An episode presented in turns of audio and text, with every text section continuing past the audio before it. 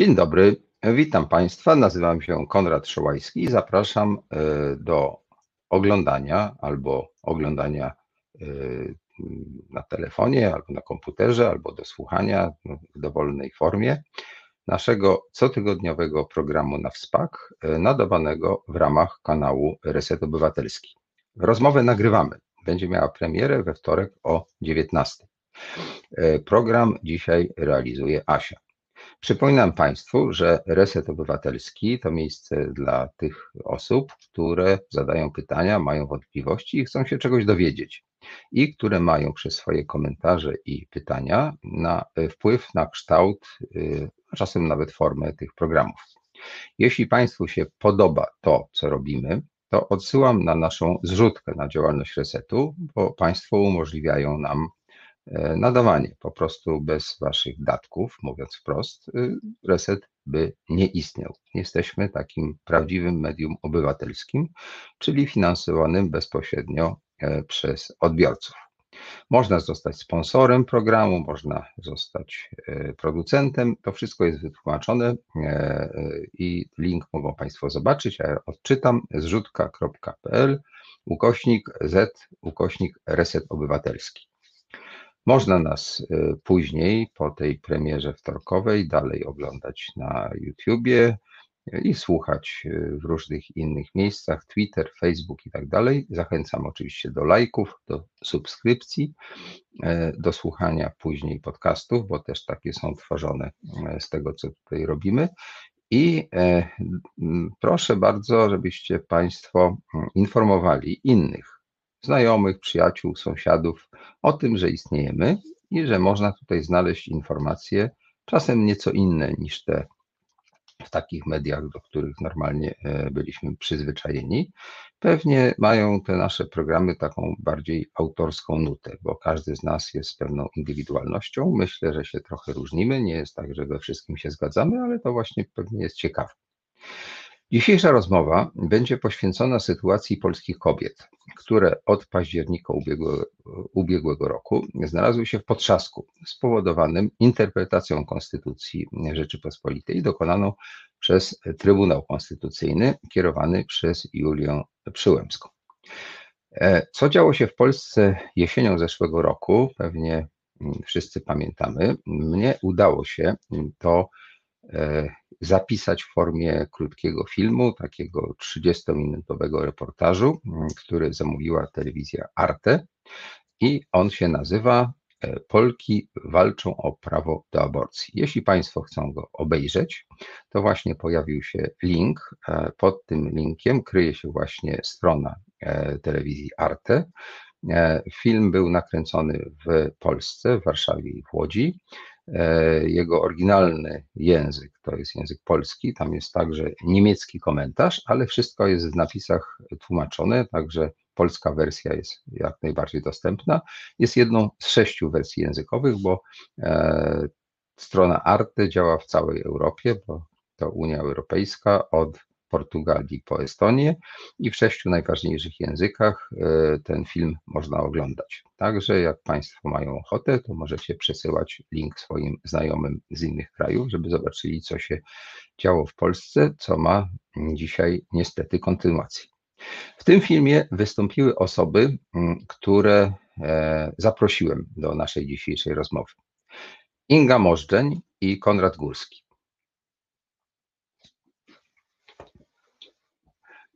To są właśnie, jakby to powiedzieć, główni bohaterowie mm, tego e, krótkiego filmu.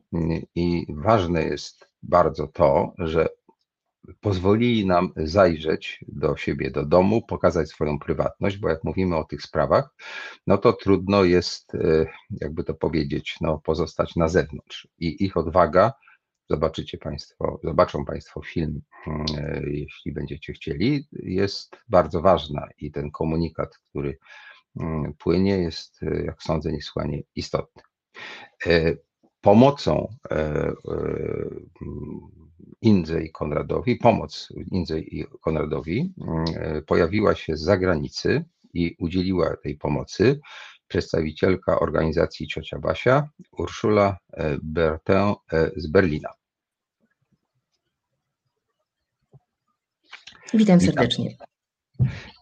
I wreszcie będziemy mieli zaszczyt gościć tutaj filozofkę Joannę Heinderek, która w filmie nie wystąpiła, ale będzie nam pomagała komentując potem sprawę w zakresie etyki, bo jest specjalistką w, tym, w tej dziedzinie. Joanna. Dzień dobry. No, to są nasi goście i gościnie, właściwie gościnie i goście pewnie, pewnie powinienem powiedzieć. I zdecydowanie musimy zacząć od e, Ingi. Ingi i Konrada, bo oni są razem, są parą i myślę, że to, co się przydarzyło, przydarzyło się im obojgu. To jest bardzo ważne. E, to nie jest tylko y, kwestia kobieca. No, kobiety tutaj są na pierwszej linii frontu, bo one umierają, jeśli coś się złego stanie, ale dzieci rodzą się, czy, czy ciąże pojawiają się zwykle, e, jak nie mówimy o jakimś dziewolództwie, e, w wyniku działania pary. W związku z czym mężczyźni są równie ważni w tej sprawie. Ja jako mężczyzna pozwoliłem sobie w ogóle ten reportaż najpierw nakręcić, a dzisiaj Państwa do tej rozmowy zaprosić. Inga, od Ciebie chcę zacząć. E, bardzo Ci dziękuję przede wszystkim i za to, że w filmie wystąpiłaś, to powtarzam, i to, że zdecydowałaś się dzisiaj e, znowu do tego trudnego i no, na pewno mm, takiego tematu, do którego nie zawsze chcemy wracać, zdecydowałaś się do tego wrócić. To po kolei opowiedz, co się u Ciebie działo, e, co spowodowało, no, że żeśmy się spotkali. No, niedługo minie jakby rok od e, naszej sytuacji. Na badaniu USG w 13 tygodniu dostałam informację, że nasze dziecko ma bardzo duże wady, wady uniemożliwiające, myślę, że przeżycie przez nie wiem, miesiące. Nawet w łonie, w moim łonie. Godziny. No nie, nie były to godziny chyba, ale mówię jakby w łonie. Dobra, nieważne. Były bardzo duże, były bardzo duże e, wady była przepuklina mózgowa, były nie do końca wykształtowane, wykształcone w mm, kończyny. E, no, dostaliśmy taką informację, która była dla nas po prostu ciosem, e, ciosem w serce i, i zaczęliśmy szukać pomocy, bo było jednoznaczne z tym, że, że ciąża dalej nie powinna być utrzymana. E, I zaczęliśmy taką pogoń za, za ratunkiem. Okazało się to na początku mnie bardzo wbiło w, w mocny szok, że nie mogę pojechać. Była godzina poranna, że nie mogę pojechać z tą wynikiem USG do szpitala, nie mogę zostać przyjęta po prostu i szpitale potrzebują opinii genetyka. Okazało się, że genetyka w Polsce jest takim obszarem jeszcze mało popularnym może i zapisanie się z, w ciągu przynajmniej tygodnia było niemożliwe. Dostaliśmy informacje też do szpitali, żeby dzwonić i, i rozmawiać ze szpitalami. Wykonaliśmy rundę przez dwie godziny, znaczy we dwójkę przez kilka godzin w sumie po wszystkich szpitalach. Zaczęliśmy też dzwonić do szpitali e, w całej Polsce. Mm, no i, i jedyną odpowiedzią, którą dostaliśmy z Centrum Zdrowia e, matki i dziecka było to, że musimy złożyć nasz wynik badania, czekać przynajmniej 10 dni roboczych, po czym miał się ktoś z nami skonsultować, zapisać nas na na konsultację genetyczną i wtedy, wtedy Rada Plemienia stwierdzi, czy co z nami dalej będzie e, się działo. No taka sytuacja jest e, dramatyczna dla osób, które znajdują się w tym punkcie, o których w ogóle świat się jakoś kończy. I przez to, że Wiedziałam sytuacji naszej znajomej, która miała w, e, podobny przypadek. Udało mi się trafić do cioci Basi. No i właśnie wtedy po tych e, kilku godzinach poszukiwania w, udało mi się dodzwonić, odebrała Ula i był to taki po prostu dla nas e, no, ratunek, bo e, tam już nie było rozpatrywania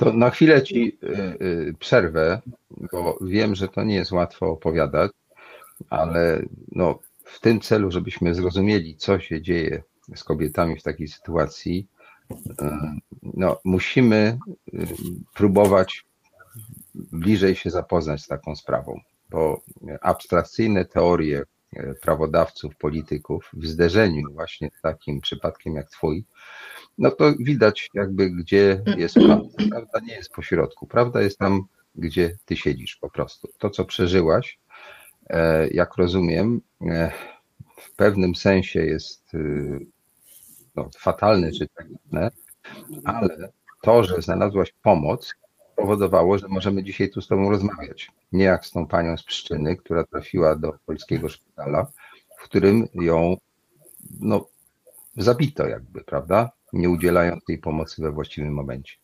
Ja bym chciał, przepraszam, bo ja wiem, że to jest trudne, więc chciałbym, żebyś chwilę może odetchnęła. Dobrze.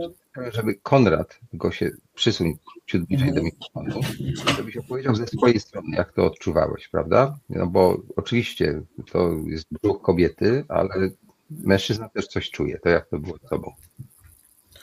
Znaczy no, no, no, zasadniczo jak, jak dowiedzieliśmy się o całe, całej sytuacji, że w Polsce e, uzyskać pomoc będzie bardzo ciężko, e, bo tak naprawdę to wszystkie telefony, które wykonaliśmy, okazało się, że, że to wszystko będzie trwało bardzo długi czas, i, a my tego czasu właściwie chyba nie mieliśmy, bo mogło dojść z Ingą do takiej sytuacji, jak doszło właśnie do u pani w Szczynie, w Szczynie. E, bo, no bo jakby e, opis, opis, jaki dostaliśmy, był jednoznaczny, że jest tak duże wielowadzie, że, że nie wiadomo, ile ten płód jeszcze, jeszcze będzie żył.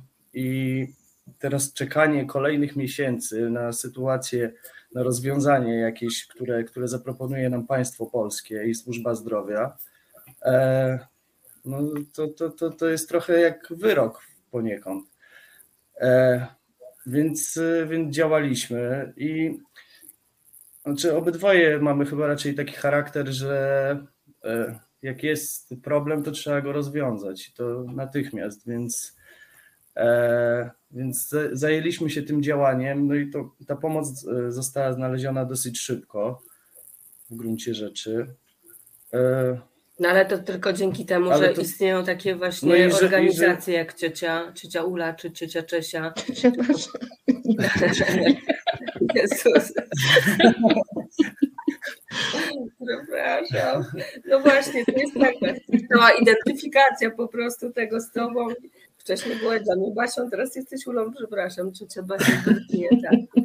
No bo ja tak naprawdę w, myślę, że mogłam być dokładnie w tej samej sytuacji, co Iza z przyczyny. Bo, znaczy wiem o tym, żebym była, byłabym kolejne tygodnie po prostu w ciąży, która byłaby raz zagrożeniem, a dwa byśmy po prostu ten nasz straszny ból i tą, tą rozpacz po prostu. My byliśmy E, z bólu, e, byśmy dalej nosili i byśmy byli po prostu takimi zakładnikami tego systemu, który zgotował nam system rządzący, kobiety i mężczyźni, którzy, którym się wydaje, że mają prawo do decyzji w ogóle. Nigdy się nie znaleźli w takiej sytuacji, a jeśli się znaleźli, to może przez chęć zemsty próbują po prostu się odegrać.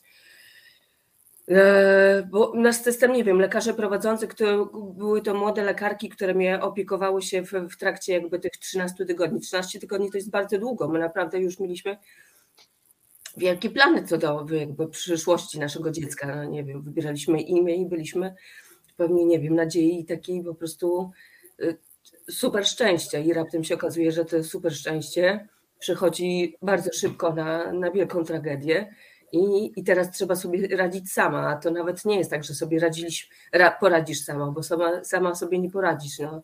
Nie, nie ma możliwości, żeby tą ciążę, która jest, e, ma wielkie wady, po prostu wykluczyć z siebie albo donosić i pójść wypokać do pokoju. To jest jakaś herezja, to jest po prostu jakieś e, spychanie, to są tortury, które są na, na żywym ciele, bo wtedy kobieta staje się inkubatorem i nie, nikt nie dba o życie kobiety, o dobrostan psychiczny ten ból, który się nosi, to jest po prostu nie do opisania. a ta sytuacja jest po prostu zero-jedynkowa.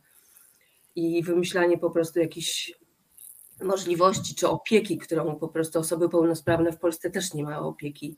Nikt się nie interesuje później ani, ani tą rodziną, która jest w takiej w druzgodzącym realiach, ani, ani, ani tym dzieckiem, które się rodzi, nie wiem, bez, bez mózgu, bez rączek, bo dokładnie tak to wygląda. Po co to miało być w ogóle? To w ogóle nie ma uzasadnienia żadnego i wtedy takie organizacje no, są jedynym, jedynym ratunkiem, a z drugiej strony dotrzeć, do, znaczy nie mówię, że jest ciężko dotrzeć, natomiast trzeba mieć świadomość, że one są i to jest po prostu też teraz według mnie najważniejsza rzecz, żeby, żeby tym dziewczynom jakby uświadomić to, że jest e, wielka, to jest wielka tragedia, ale trzeba działać i są całe szczęście w, w takie w osoby i takie organizacje, które pomagają, które zrozumieją i które w ciągu pierwszych trzech minut mówią: Słuchaj, za tydzień możesz mieć zabieg, nie martw się i my ci pomożemy. I to jest cudowne po prostu. To jest jedyne na razie wyjście i, i tak właśnie trafiliśmy do, do cioci Basi. Ale to zatrzymajmy Was na chwilkę, e, bo chciałbym, żebyśmy dobrze e, sobie to uświadomili, e, w jakiej wy wtedy byliście sytuacji. E, Trybunał Konstytucyjny właśnie się przymierzał do oceny, na ile jest możliwe, czy na ile jest zgodne, czy niezgodne z konstytucją, na ile jest możliwe przerwanie, terminacja ciąży w wypadku takiej letalnej wady płodu. Za chwilę e, padł werdykt, zdaniem Julii Przyłębskiej, która go odczytała. E, to jest niezgodne z polską konstytucją. E, pod, I zegarek zaczął cykać. Tak, zresztą nawet mm, w ogóle klimat wtedy, jak pamiętam, był taki, że mimo, że nie było to jeszcze prawem, bo w Polsce tak jest, że dopóki to się nie opublikuje w Dzienniku Ustaw bodajże, to, to jeszcze nie obowiązuje, chociaż wszyscy wiedzą. I wiem, że w wielu szpitalach e, już lekarze na wszelki wypadek, a w szczególności te dyrekcje kierownictwa, starały się no, uniknąć zderzenia z prokuraturą czy, czy policją i y, zwodziły kobiety, mówiąc wprost. Jest wiele takich przypadków. Prawdę mówiąc, wydaje mi się, że wasz przypadek jest trochę podobny. Żebyście mogli sobie nie zdawać sprawy, że te rozmaite opóźnienia, te takie informacje, że nie dzisiaj, proszę zadzwonić jutro, a może za tydzień, nie wynikają tylko z tego, że mm, ochrona zdrowia w Polsce szwankuje, bo jest źle zorganizowana, bo za mało pieniędzy. Nie. E, bardzo rzadko ludzie chcą się przyznać do tego, powiedzieć wprost, jaka jest prawda. Prawda jest taka, że ja się boję, tak? To ja pani tego nie zrobię. Ale nikt ci tego nie powiedział, prawda? Wszyscy mówią, nie, nie, to niech pani tam do genetyka, niech pani tam wypełni formularz B7, tak? E, I tak dalej, i tak dalej. Zwróćcie Państwo uwagę, że to jest taka metoda, że bardzo rzadko zdarzamy się z tą taką ścianą, która powie, tak, ja tutaj jestem tą ścianą, która nie pozwala. Nie, nie, są różne takie drobne, że tak powiem, E, niedogodności, a proszę zadzwonić później, a proszę e, może inny lekarz, bo dzisiaj pan doktor akurat jest nieobecny i tak dalej. Przecież to was spotkało, prawda? To nie było tak, że wam ktoś powiedział nie. To jeszcze tak nie było, tak? To było tak. Proszę poczekać, tak?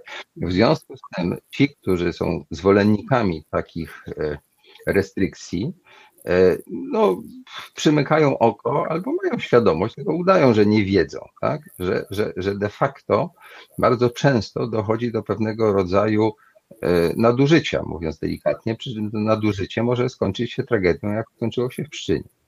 E, chciałbym, żebyśmy to sobie bardzo jasno powiedzieli, że często w naszym życiu wokół nas dzieją się rzeczy, które tak, żeby ostro zobaczyć, trzeba sobie uświadomić, jaka jest prawda. Prawda jest taka, że wynik działania tej, tego werdyktu pani Przyłębskiej i w ogóle tej, całej atmosfery jest taki, był już wtedy taki, nawet jeśli to prawo jeszcze nie działało, że nie można było tego zabiegu zrobić. Dziś o tym. Nie ma z nami jeszcze lekarza. Być może uda się połączyć jeszcze e, z panią doktor, która występowała w filmie, to wtedy nam to wyjaśni bardziej kompetentnie ode mnie.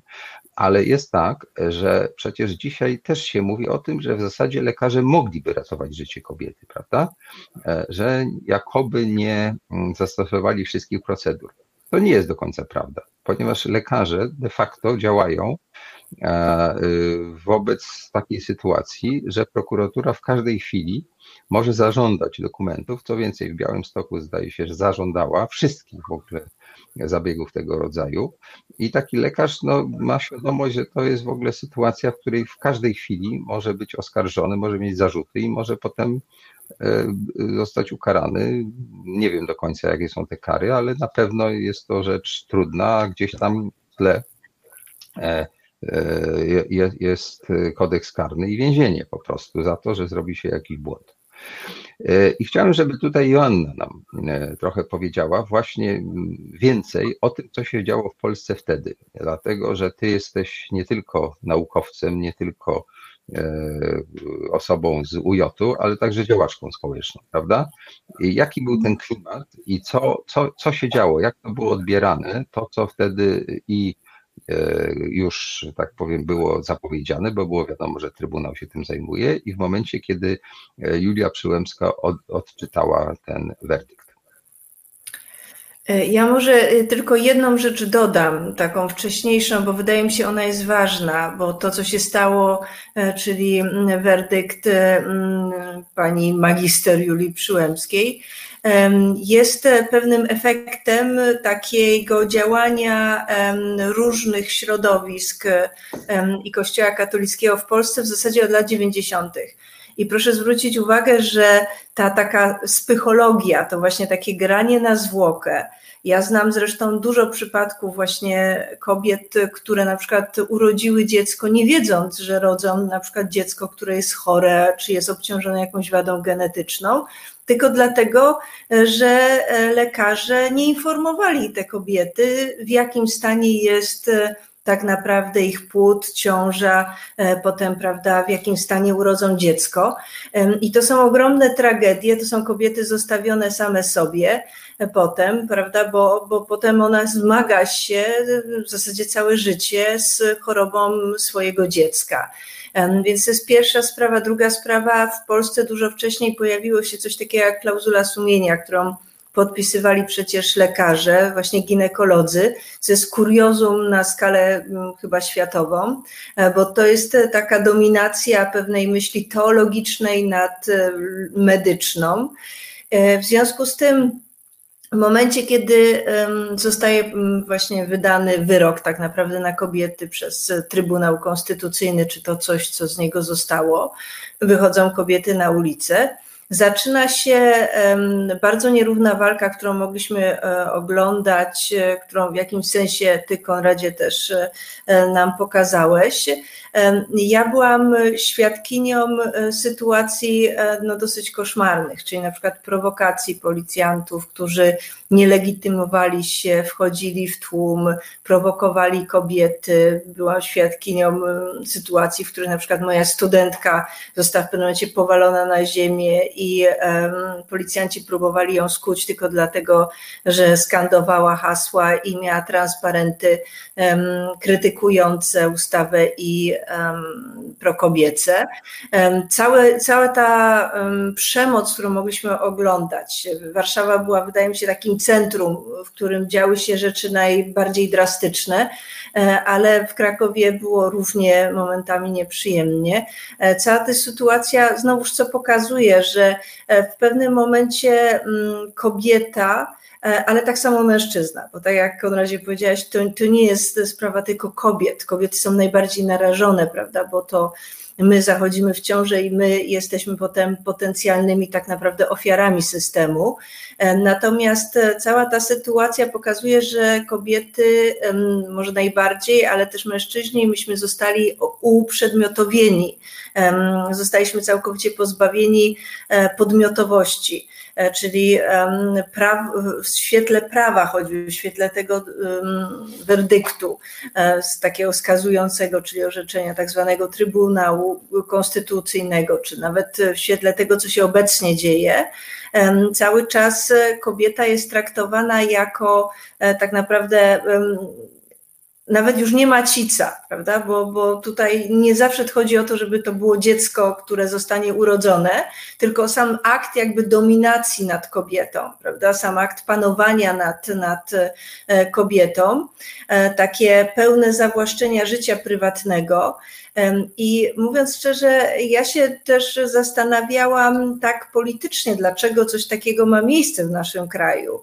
I mam wrażenie, że to jest taki bardzo okrutny sposób, e, właśnie przez to wejście w naszą sferę prywatną, takie całkowite uprzedmiotowienie, zawłaszczenie, narażenie też naszego życia, e, przekierowaniem pewnego impetu y, społecznych y, działań w kierunku właśnie takim e, feministycznym, po to, żebyśmy nie, nie obserwowali tego, co się dzieje w polityce w takim szerszym względzie, prawda? czyli tego zawłaszczania sądów, e, czy w ogóle prawda, tworzenia z naszego kraju e, państwa już niedemokratycznego, tylko takiej małej, pełzającej dyktatury. I to zawłaszczenie, właśnie takie wejście w sferę prywatną, spowodowanie, że ludzie przestali być podmiotami, kobiety są tutaj, prawda, e, zakładniczkami tego systemu, e, powoduje, że my zaczynamy walczyć o życie, a nie mamy już czasu, czasami też nie mamy siły, żeby spojrzeć na to, co się dzieje w szerszej perspektywie, jak będzie wyglądało za parę lat nasze życie. Także tutaj mamy tak naprawdę cały pakiet problemów, które pewnie nie zdążymy powiedzieć w tym programie. Natomiast wrócę jeszcze do tego uprzedmiotowienia i tylko chwilę bym to podkreśliła, bo to jest szalenie ważne. Bo się cały czas, prawda, na przykład mówi i przyjmuje taką właśnie religijną, teologiczną wizję kobiety jako tej, która ma służyć e, prokreacji, ma służyć pojawieniu się nowego życia, e, a nie mówi się o kobiecie samej. Przez to często dyskryminuje się. I tak jak oglądałam film Konrada, teraz e, słucham tego, co mówisz Ingo i co mówisz Konradzie, mam takie wrażenie, że ta dyskryminacja i to uprzedmiotowienie powoduje, że nie patrzy się na przykład na kobietę jako na człowieka, który ma swoje emocje, który ma swoje potrzeby, która też na przykład czeka na to dziecko, chce mieć to dziecko, tylko od razu jesteśmy kryminalizowane, jesteśmy traktowane jak takie, prawda, ciała, które nie wiadomo co robią, zachodzą w ciąży, a potem zaraz pewnie będą chciały się wyskrobać. I to, prawda, takie sprowadzenie kobiety do jakiejś takiej właśnie cielesności, która jest pozbawiona całkowicie i racjonalności, i emocji, i działania intencjonalnego, chyba jest najbardziej przerażające. No bo to też świadczy o tym, że gdzieś wracamy e, mentalnie do średniowiecza, a mamy XXI wiek, prawda? I w medycynie, ale też w tym życiu społecznym. E, kobiety wywalczyły sobie równe prawa, a co my mamy? Nic nie mamy. To ja bym chciał teraz y, na chwilę poprosić Urszulę, żeby powiedziała, jak to było, zanim doszło do tego, że w Polsce prawo jeszcze zrobiło się bardziej restrykcyjne, bo od 1993 roku do 2020 października, a w zasadzie stycznia, jeśli chodzi o takie formalne sprawy, mhm. istniał tak zwany kompromis aborcyjny w Polsce, prawda? Że w wypadku trzech sytuacji takich no, brzegowych, czyli uszkodzenia płodu, zagrożenia zdrowia kobiety lub wtedy, kiedy ciąża była efektem przestępstwa, na przykład gwałtu czy kaźwieroctwa, to wtedy aborcja była dopuszczalna i legalna.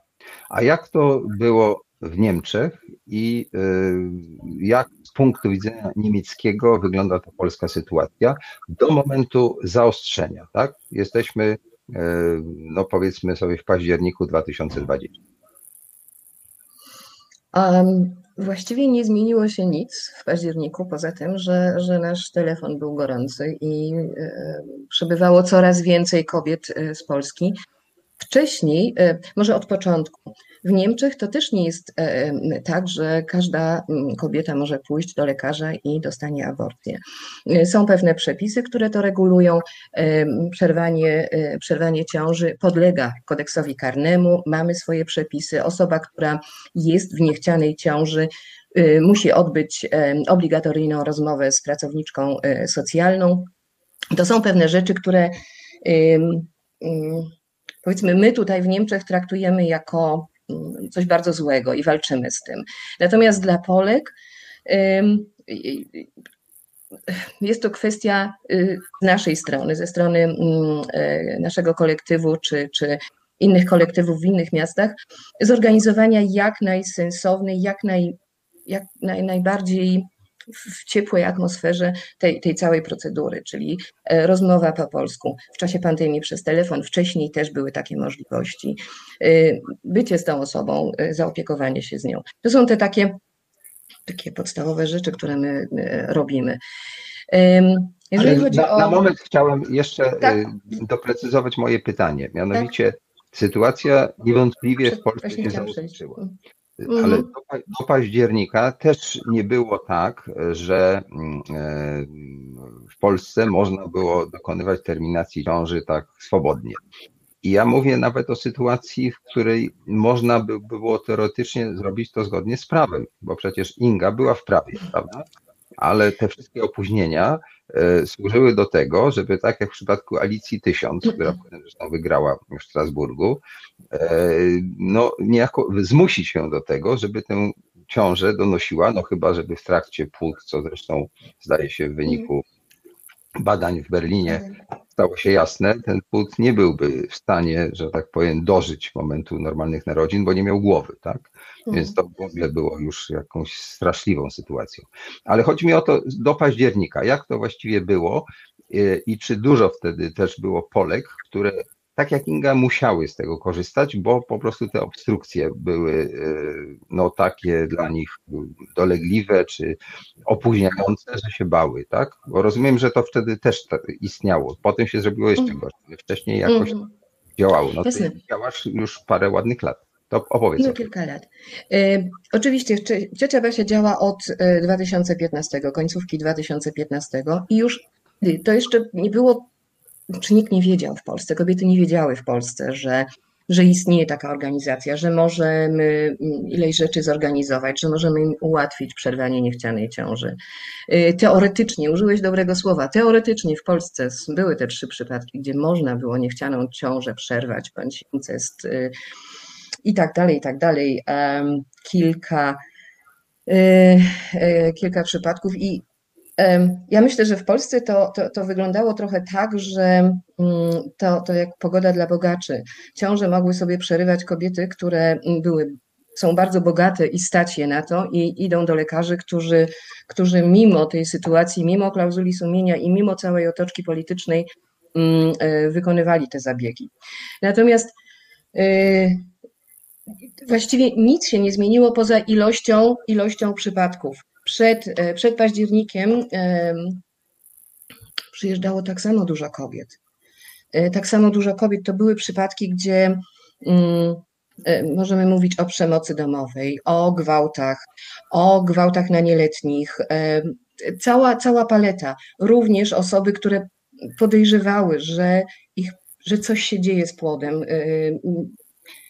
bądź po prostu jest to niechciana ciąża. I e, my jesteśmy organizacją, my jesteśmy kolektywem, który jesteśmy o tym po prostu przekonane, że każda osoba, która jest w niechcianej ciąży, każda osoba decyduje o własnym ciele. I, i to jest planowanie również rodziny.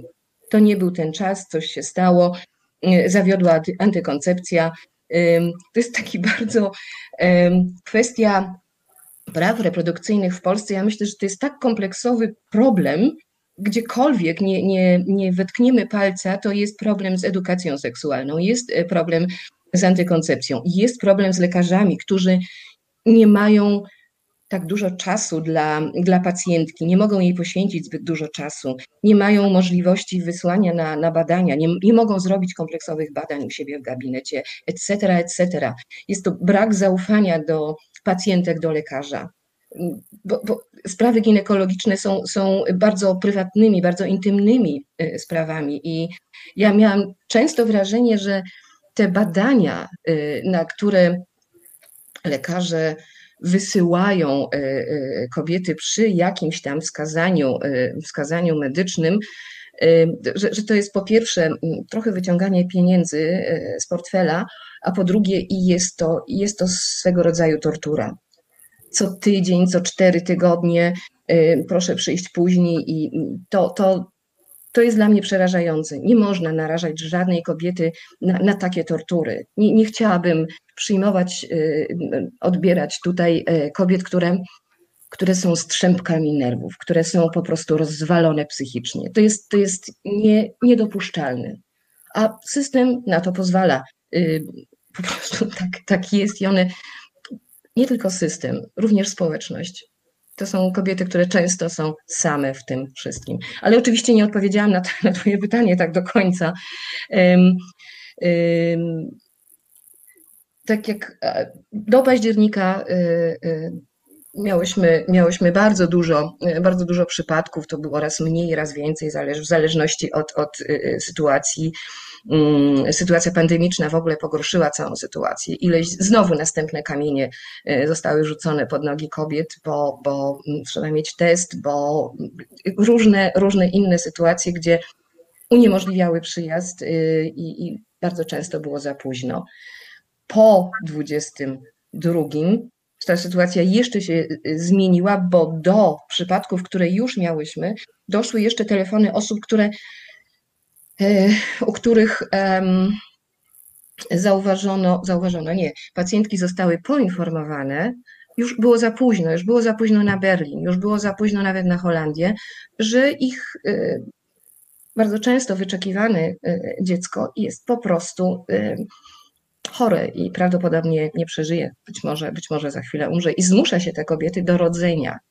Niezależnie co, niezależnie co. I to jest tortura. Za, za to powinno, powinno się karać, powinno się, powinno się ich po prostu zebrać, zebrać materiały i podać do, do, do sądu międzynarodowego, uważam, europejskiego, międzynarodowego. Um, Dziękuję. Ula, zatrzymajmy się tak. tutaj przez chwilę, okay. bo ja będę chciał y, zrobić krótką przerwę i żeby Inga i Konrad nam opowiedzieli ten rozdział berliński. Więc wy się przygotujcie, krótki utwór muzyczny i potem opowiecie, jak to wyglądało po drugiej stronie Odry. Asiu, proszę o muzykę. Znudzeni mainstreamowymi newsami? Czas na reset obywatelski zaangażowane dziennikarstwo. Witam wszystkich tych z Państwa, którzy dopiero teraz do, dołączyli. Zajmujemy się dzisiaj sprawą, która jest niesłychanie dramatyczna, szczególnie po śmierci kobiety w Pszczynie. Pani Iza zmarła, ponieważ nie udzielono jej we właściwym momencie pomocy medycznej.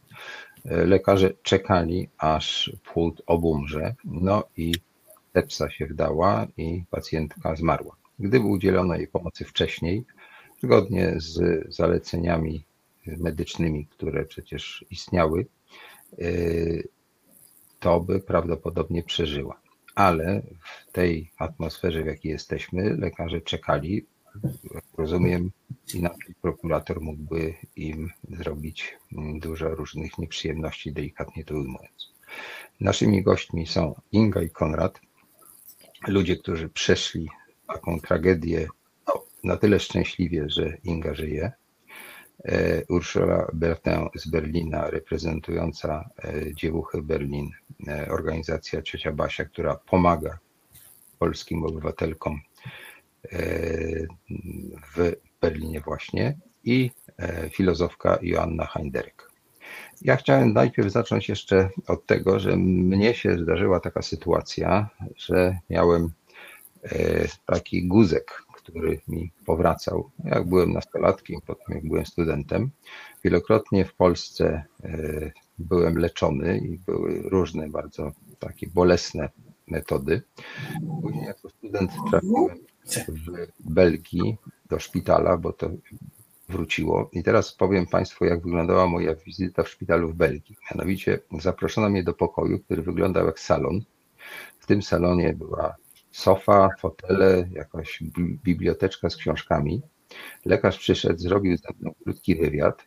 E, to był rok mniej więcej 80. E, zostało zapisane na małej karcie magnetycznej. Dzisiaj to jest w Polsce dalej chyba nieosiągalne, wtedy już w Belgii było.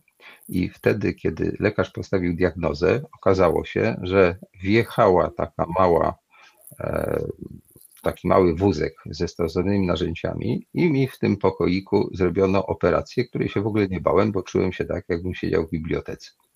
No to, to jest moje wspomnienie i taka różnica pomiędzy stanem opieki medycznej jeszcze daleko przed czasem, czyli e, w PRL-u, a tym jak było w Belgii w roku 80. To teraz powiedzcie, drodzy moi goście, jak się czuliście, jak e, wyjechaliście z Warszawy po tych wszystkich waszych e, przygodach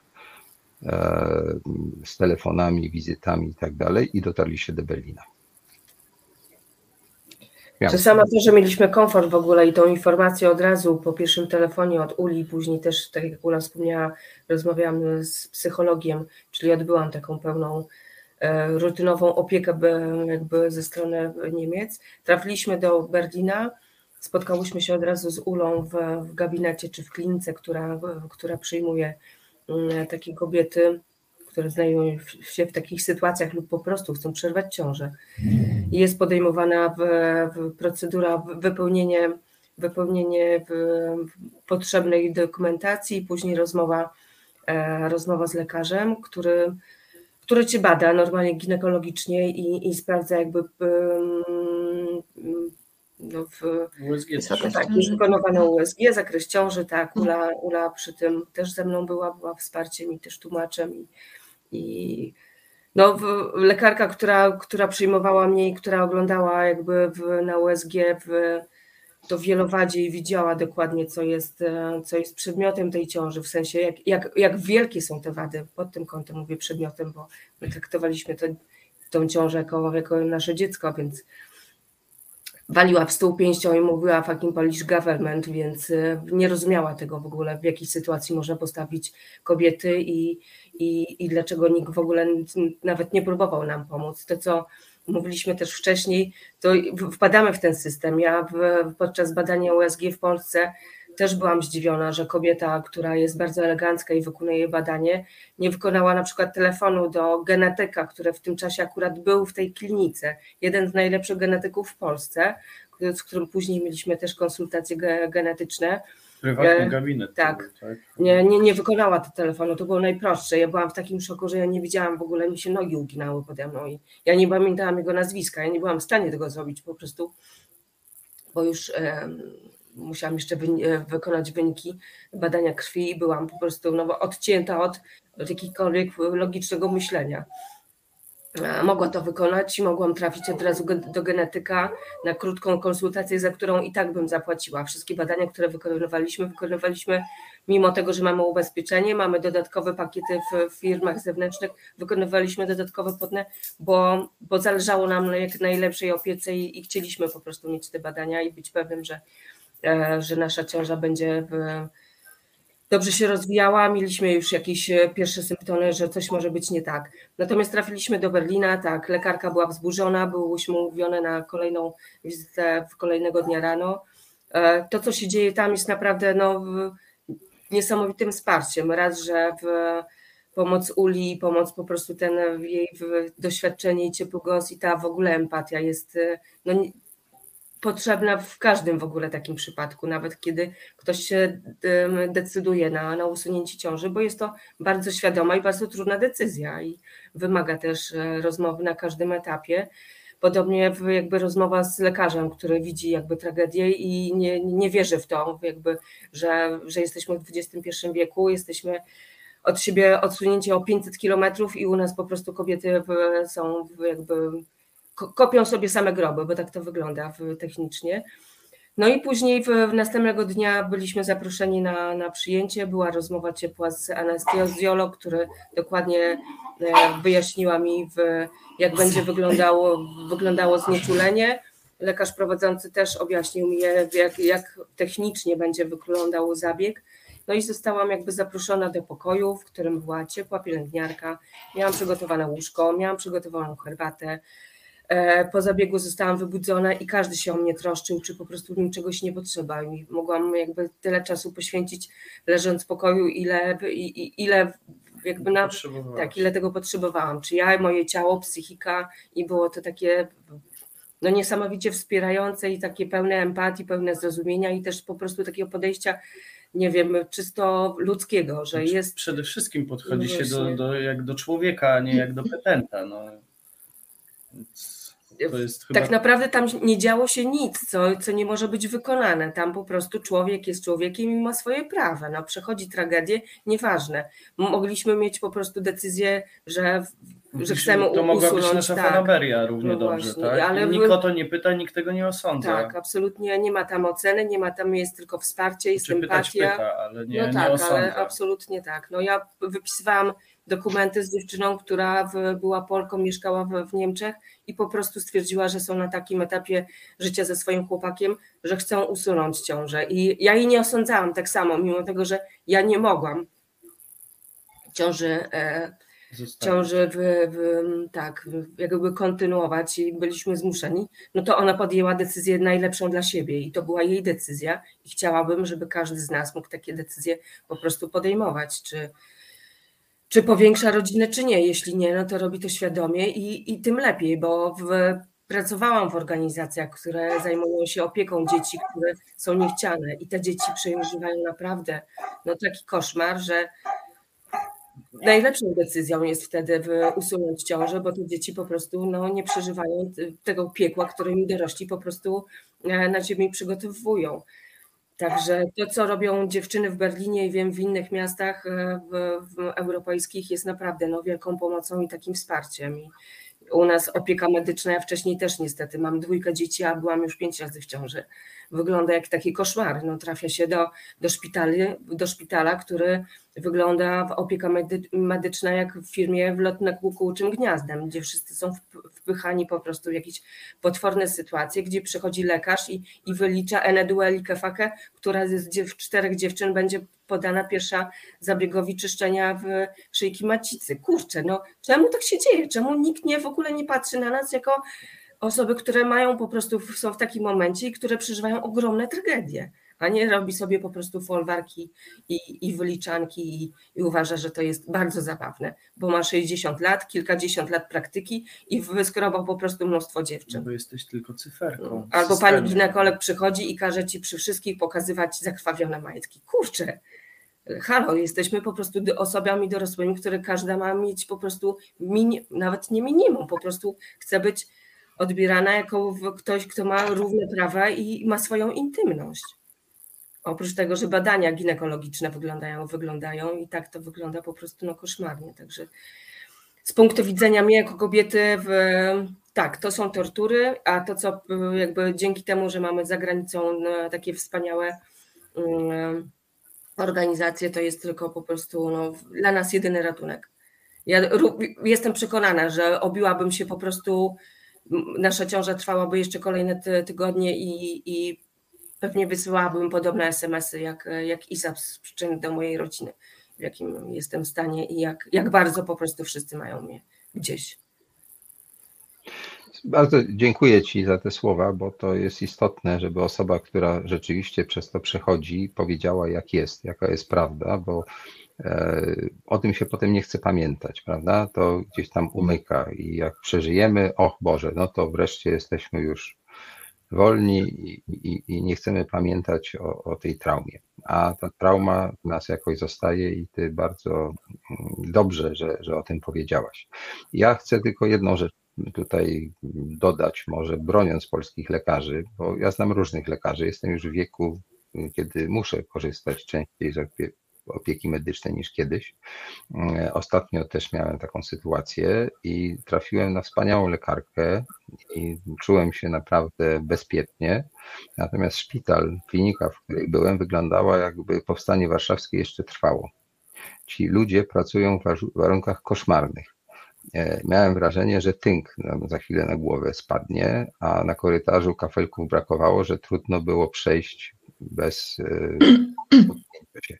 Na chwilę widzę, e, wylogowali się nasi goście, a Joanna chciała coś powiedzieć. To proszę, a będę chciał wrócić potem do Inki. To ja tylko szybko dodam, bo wydaje mi się, że to, co właśnie już tutaj padło, e, jest symptomatyczne. E, ja może nie chcę krytykować polskich lekarzy, ale prawda jest taka, że kobiety są bardzo źle traktowane. E, od podstawowych badań ginekologicznych, potem po propozycje jakichś dodatkowych badań czy opieki. Mm, właśnie jestem na świeżo po, po różnych historiach moich studentek, byłych studentek, bo to się robi coraz e, tak naprawdę dramatyczniejsze od takich zwrotów bardzo przedmiotowych e, czy, czy nonszalanckich pod tytułem ty zrobisz, ty pójdziesz, ty się przesuń, gdzie nie ma zaakcentowanego szacunku, e, po właśnie tak naprawdę niedopuszczanie większości informacji, prawda? Kobiety niestety w Polsce zostają w takiej strefie cienia, gdzie nie, nie mają pełnego pakietu informacji, nie wiedzą, jakie są ich e, prawa, nie są informowane o tych prawach, e, nie są informowane o tych możliwościach. E, I jeszcze jedna rzecz, bo cała ta historia, którą możemy prawda, obserwować na Twoim filmie, Konradzie, i, i dzisiaj możemy wysłuchać, E, i pokazuje, e, czy, czy jakby skrywa pewną, pewną szaloną asymetrię. Polsce ciągle jest dużo kobiet, które nie mają szans nawet dotrzeć do Berlina. Dlaczego? Bo takie są na przykład wzorce kulturowe.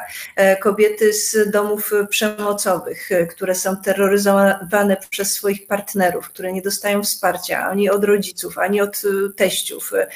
Kobiety, które są całkowicie prawda, izolowane od innych kobiet, od społeczeństwa bo to się dzieje właśnie w domach przemocowych, przemoc fizyczna, czy psychiczna, czy ekonomiczna, e, ona powoduje, że potem taka kobieta jest skazana właśnie na tą służbę zdrowia, która jej przysługuje e, i to, co jej zgotował polski rząd. I to jest najtragiczniejsze, prawda, że od roku jeszcze mocniej możemy obserwować taki wielki, wielką asymetrię, jeżeli chodzi o dostęp do nie tylko medycyny, ale w ogóle informacji e, i potem możliwości skorzystania. Także tutaj mm, ja jestem ciekawa nawet, ile osób do, do um, cioci Basi dociera i jakie to są osoby, prawda? Bo, bo obawiam się, że te najbardziej potrzebujące, właśnie choćby doświadczające przemocy w domu, nie są w stanie dotrzeć, prawda? Nawet, nawet nie, nie, nie mogą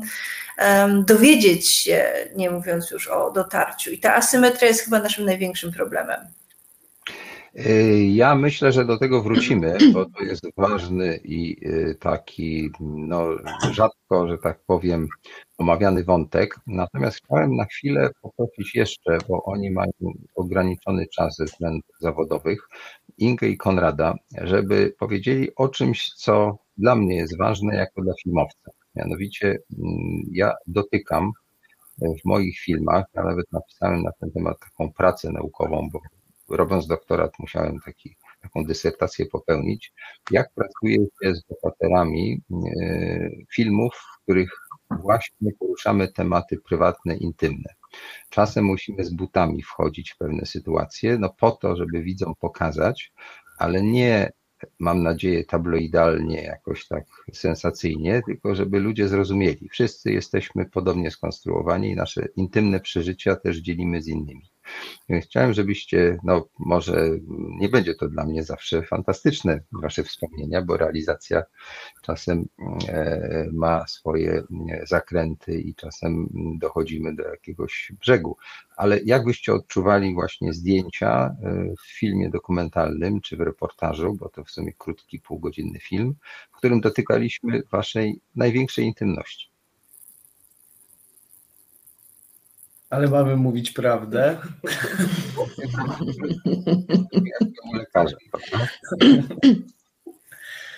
No to ja, ja na pewno pamiętam kilka takich sytuacji, że Inga do mnie dzwoniła i mówiła mi, że już nie ma ochoty w tym występować z racji tego, że no faktycznie wchodzicie w takie sfery i e, przede wszystkim tam pamiętam po, po wizycie w gabinecie ginekologicznym e, no, że czuła duży dyskomfort z racji tego, że, że była tam kamera, byłeś tam ty, Konrad, i, i jakby musiała to wszystko mówić do ogółu. No, nie tylko ja, był operator i dźwiękowiec. No, i no tak, no, operator i dźwiękowiec. No, Cała banda wokół, wokół tego miejsca. Są aspekty jakby techniczne, które jakby wymagają, wiem, że jakby film wtedy się staje bardziej ciekawy albo realistyczny i po prostu pewne elementy, pewne elementy są takie z Twojego punktu widzenia na pewno potrzebne. No dla mnie to był duży dyskomfort i bardzo duża taka wejście w ogóle we mnie, bo tam było zwykłe badania ginekologiczne, które jest potwornym dyskomfortem, myślę nawet w, w kontakcie jeden na jeden. W, natomiast no, ja z drugiej strony też czułam taką misję w tym, żeby pokazać, powiedzieć e, raz, że jest taka cudowna inicjatywa i, i, jest pomoc na zewnątrz i żeby te kobiety widziały, że, że jest po prostu, że nie zostają tak, same. że czeka po prostu na nich ten, ten telefon i po prostu osoby jak, jak Ula z anielskim głosem i z pomocą, a z drugiej strony taka pełna niezgoda i absolutnie nie ma nici porozumienia i zrozumienia tego, jak ktokolwiek e, może czuć się sprawczy temu i, i, i podejmuje de, takie decyzje i skazuje kobiety i całe rodziny po prostu na, na cierpienie, bo, bo Ola też zostawiła ze sobą męża i, i małe dziecko. Po prostu nie wyobrażam sobie. To jest czyste zaniedbanie, a z drugiej strony też strach lekarzy i też taka znieczulica, bo um, akurat jak prze, prze, przerwał nam się połączenie internetowe, mi kobieta jak czekałam na izbie przyjęć, i, i byłam w trakcie ronienia, powiedziała, że muszę czekać kolejną godzinę, już siedziałam trzy, ponieważ ona wzięła kobietę w ciąży na badanie USG, więc powiedziała mi, że ja tak samo jestem w ciąży. I ona tylko pasknęła śmiechem i poszła. No.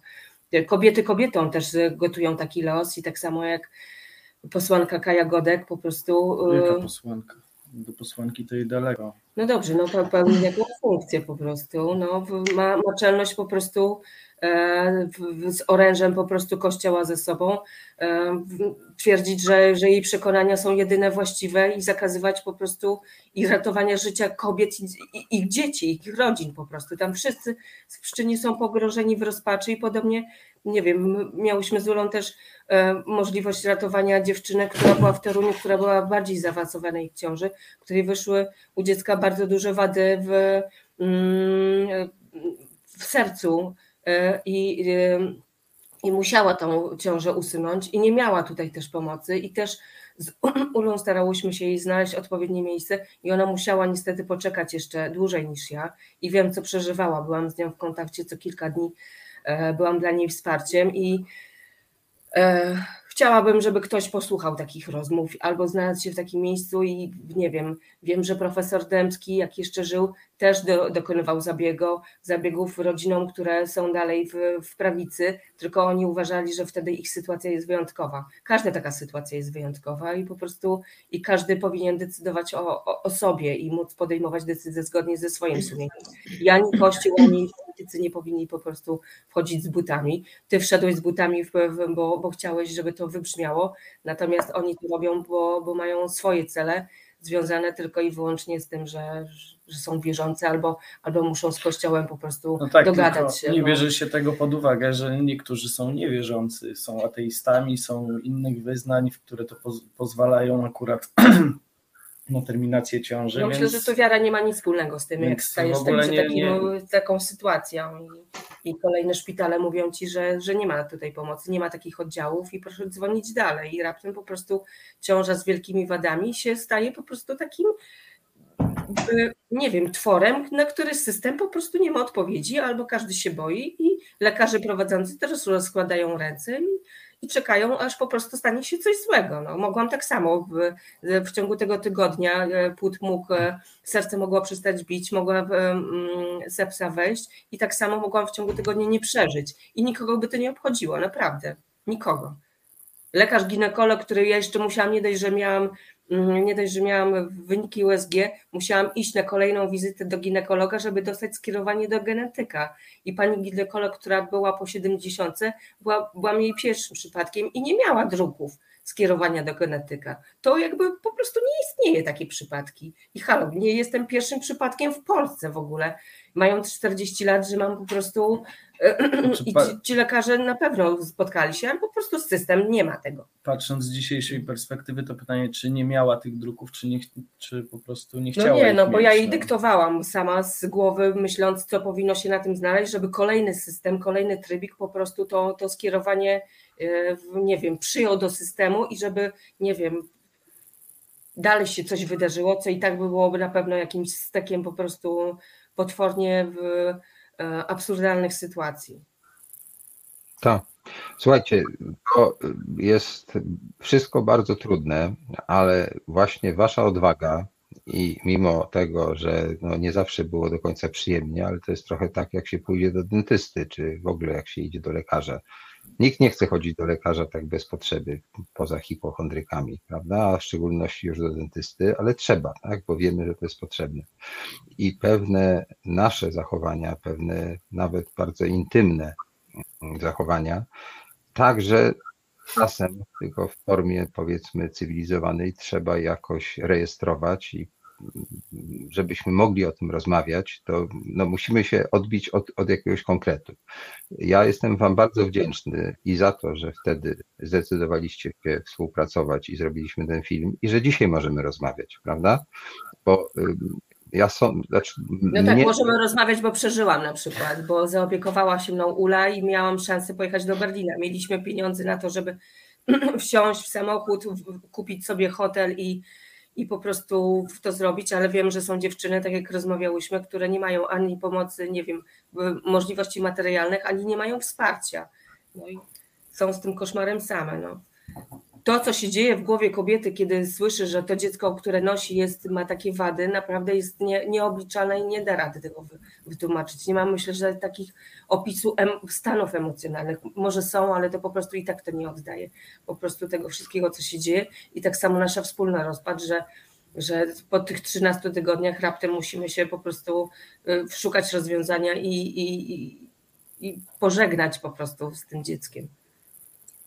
Tak, ta huśtawka emocjonalna jest przerażająca, ponieważ od najwspanialszej chwili w życiu, kiedy rodzi się nowe życie, na które czekacie, które jest przez Was upragnione, dochodzicie do momentu, kiedy wiecie, że musicie podjąć decyzję o tym, że nie tylko tego nie będzie, ale trzeba to w sposób medyczny zamknąć, tak? Bo inaczej ty możesz umrzeć, a pewnie byś osierociła, że tak powiem, nas, No tak. Gdyby, nie udzielono ci pomocy. Tylko właśnie musimy wykazać pewną odwagę. W pewnych sytuacjach niestety nie możemy się chować. Znaczy możemy, tylko wtedy jak gdyby inni, a także my, bo w którymś momencie to wraca. To znaczy twoje dzieci, prawda, czy, czy, czy krewni mogą znowu to przeżyć. Nie, nie żyjemy, że tak powiem, na pustyni. Musimy się dzielić naszymi takimi różnymi nawet tragediami, po to, żebyśmy się wzajemnie jakoś wspierali. No, to, to ma taki sens, prawda? No bo przecież to, żebyście wystąpili w tym filmie i że teraz rozmawiamy, no de facto służy komuś innemu, ale też służy Wam, prawda? Buduje nas wspólnie jako pewną grupę ludzi, którzy rozumieją, że coś jest nie tak, że powinniśmy jakby no, dać takie świadectwo, tak? Jak to się mówi takim trochę kościelnym językiem. Ja będę chciał potem, żeby Joanna nam wyjaśniła, e, bo Joanna zna się na tym lepiej ode mnie, chociaż ja też trochę doczytałem, że z tą religijną stroną i tą interpretacją religijną to nie jest wcale takie proste. Istnieje wiele interpretacji religijnych i akurat ta stosowana dzisiaj e, jest aktualna dzisiaj dla pewnej grupy ludzi. Ale 100 lat temu czy 300 lat temu była zupełnie inna, za 10 lat będzie jeszcze inna, prawda? W związku z czym skazywanie kobiety na śmierć przez to, że ktoś dzisiaj sądzi, że to jest tak lub siak, jest kompletnym absurdem. Jesteśmy w świecie kawki. Jesteśmy w świecie pewnego rodzaju absurdu, ale ten absurd ma konkretny wyraz. Szczęśliwie Inga z nami tutaj siedzi. E, Pani Iza niestety nie. Tak to się kończy. Teraz słuchajcie, chciałem, żebyście powiedzieli jeszcze, co sądzicie, jeśli mogę Was o to prosić, co będzie dalej z Waszej perspektywy. Wy przeszliście to, prawda? Przeżyliście to bardzo mocno. E, Czy sądzicie, że to będzie trwało, czy może się zmieni, czy jakie macie w tej sprawie nadzieje? No między innymi wasz udział w filmie i w tym programie e, e, jakby zachęca mnie do zadania tego pytania, bo jakąś nadzieję macie, prawda? Bo byście tego nie robili. Ingo. Mówimy o sytuacji, e, jaka będzie ze stanem prawnym? Tak. Chcę?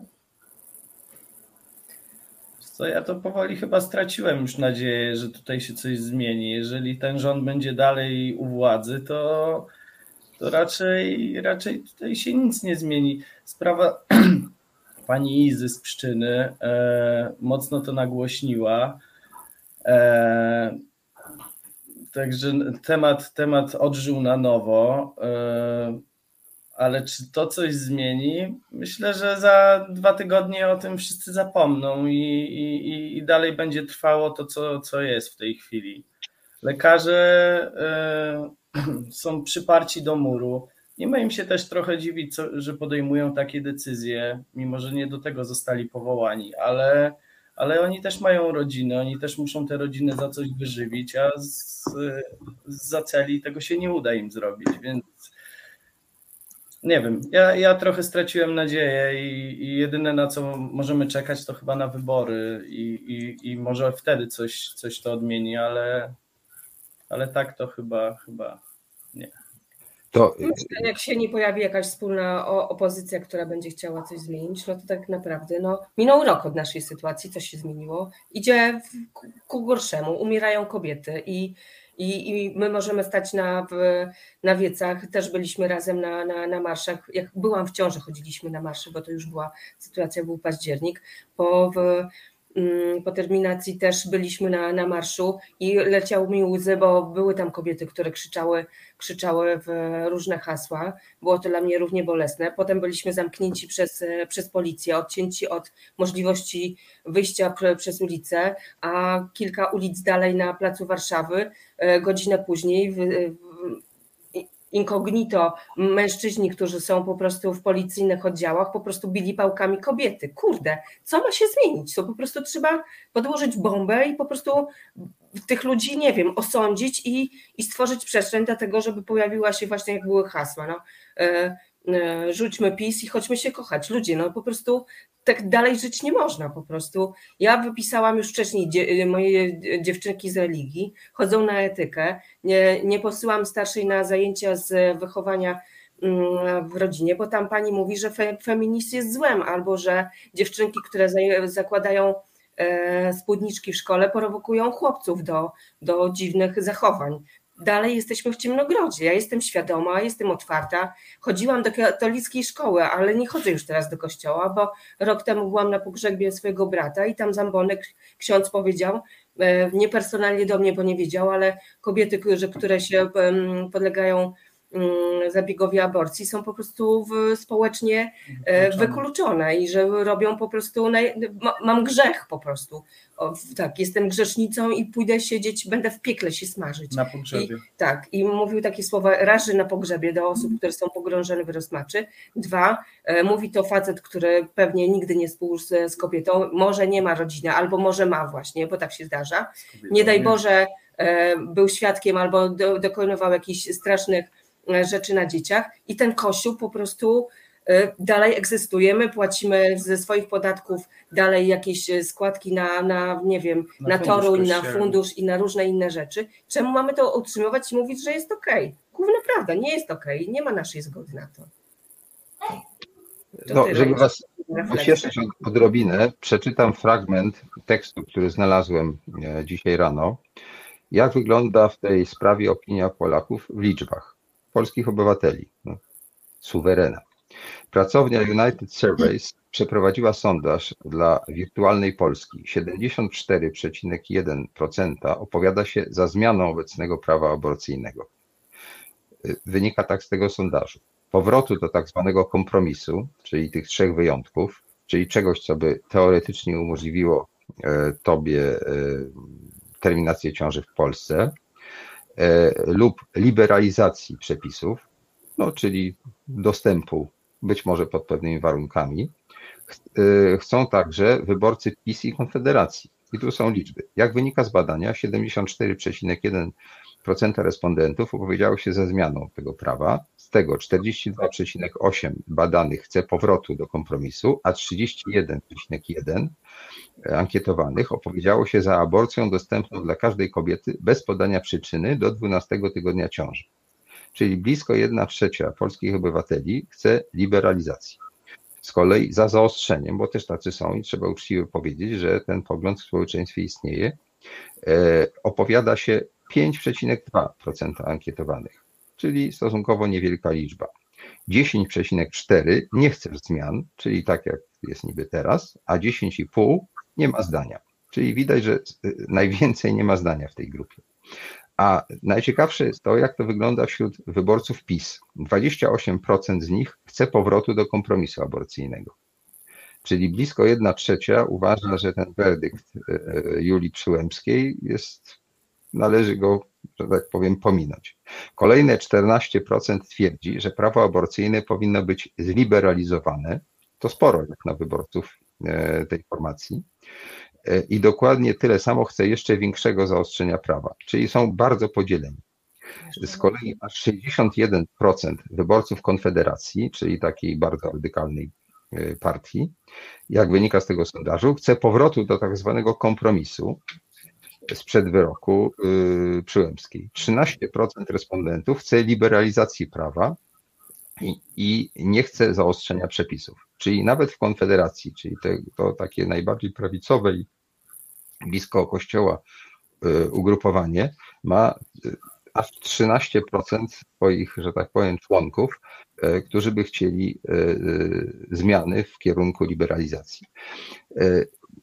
Ja nie jestem politologiem, ale się tym interesuję, robię o tym filmy, więc na moje oko wygląda na to, że władze ustąpią. Po prostu zbliżają się wybory i skoro większość Polaków jest przeciwna obecnej sytuacji, to żeby nie stracić w tych wyborach, to będą musieli to zrobić. Pytanie, jak to zrobią? No, czy mam rację? Ingo i Konradzie, jeszcze raz macie głos. Czy masz rację?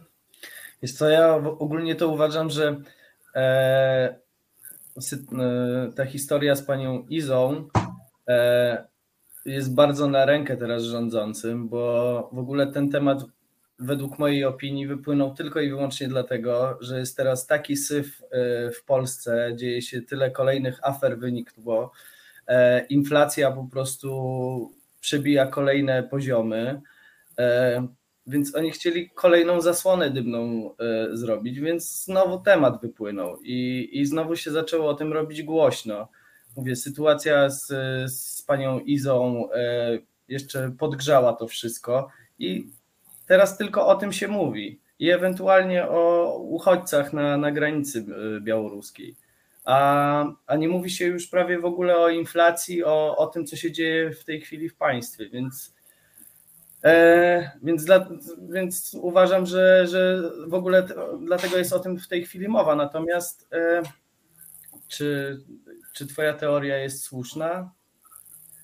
Być może, chociaż e, nie wierzę w to, że, że, że ten rząd się z tego wycofa.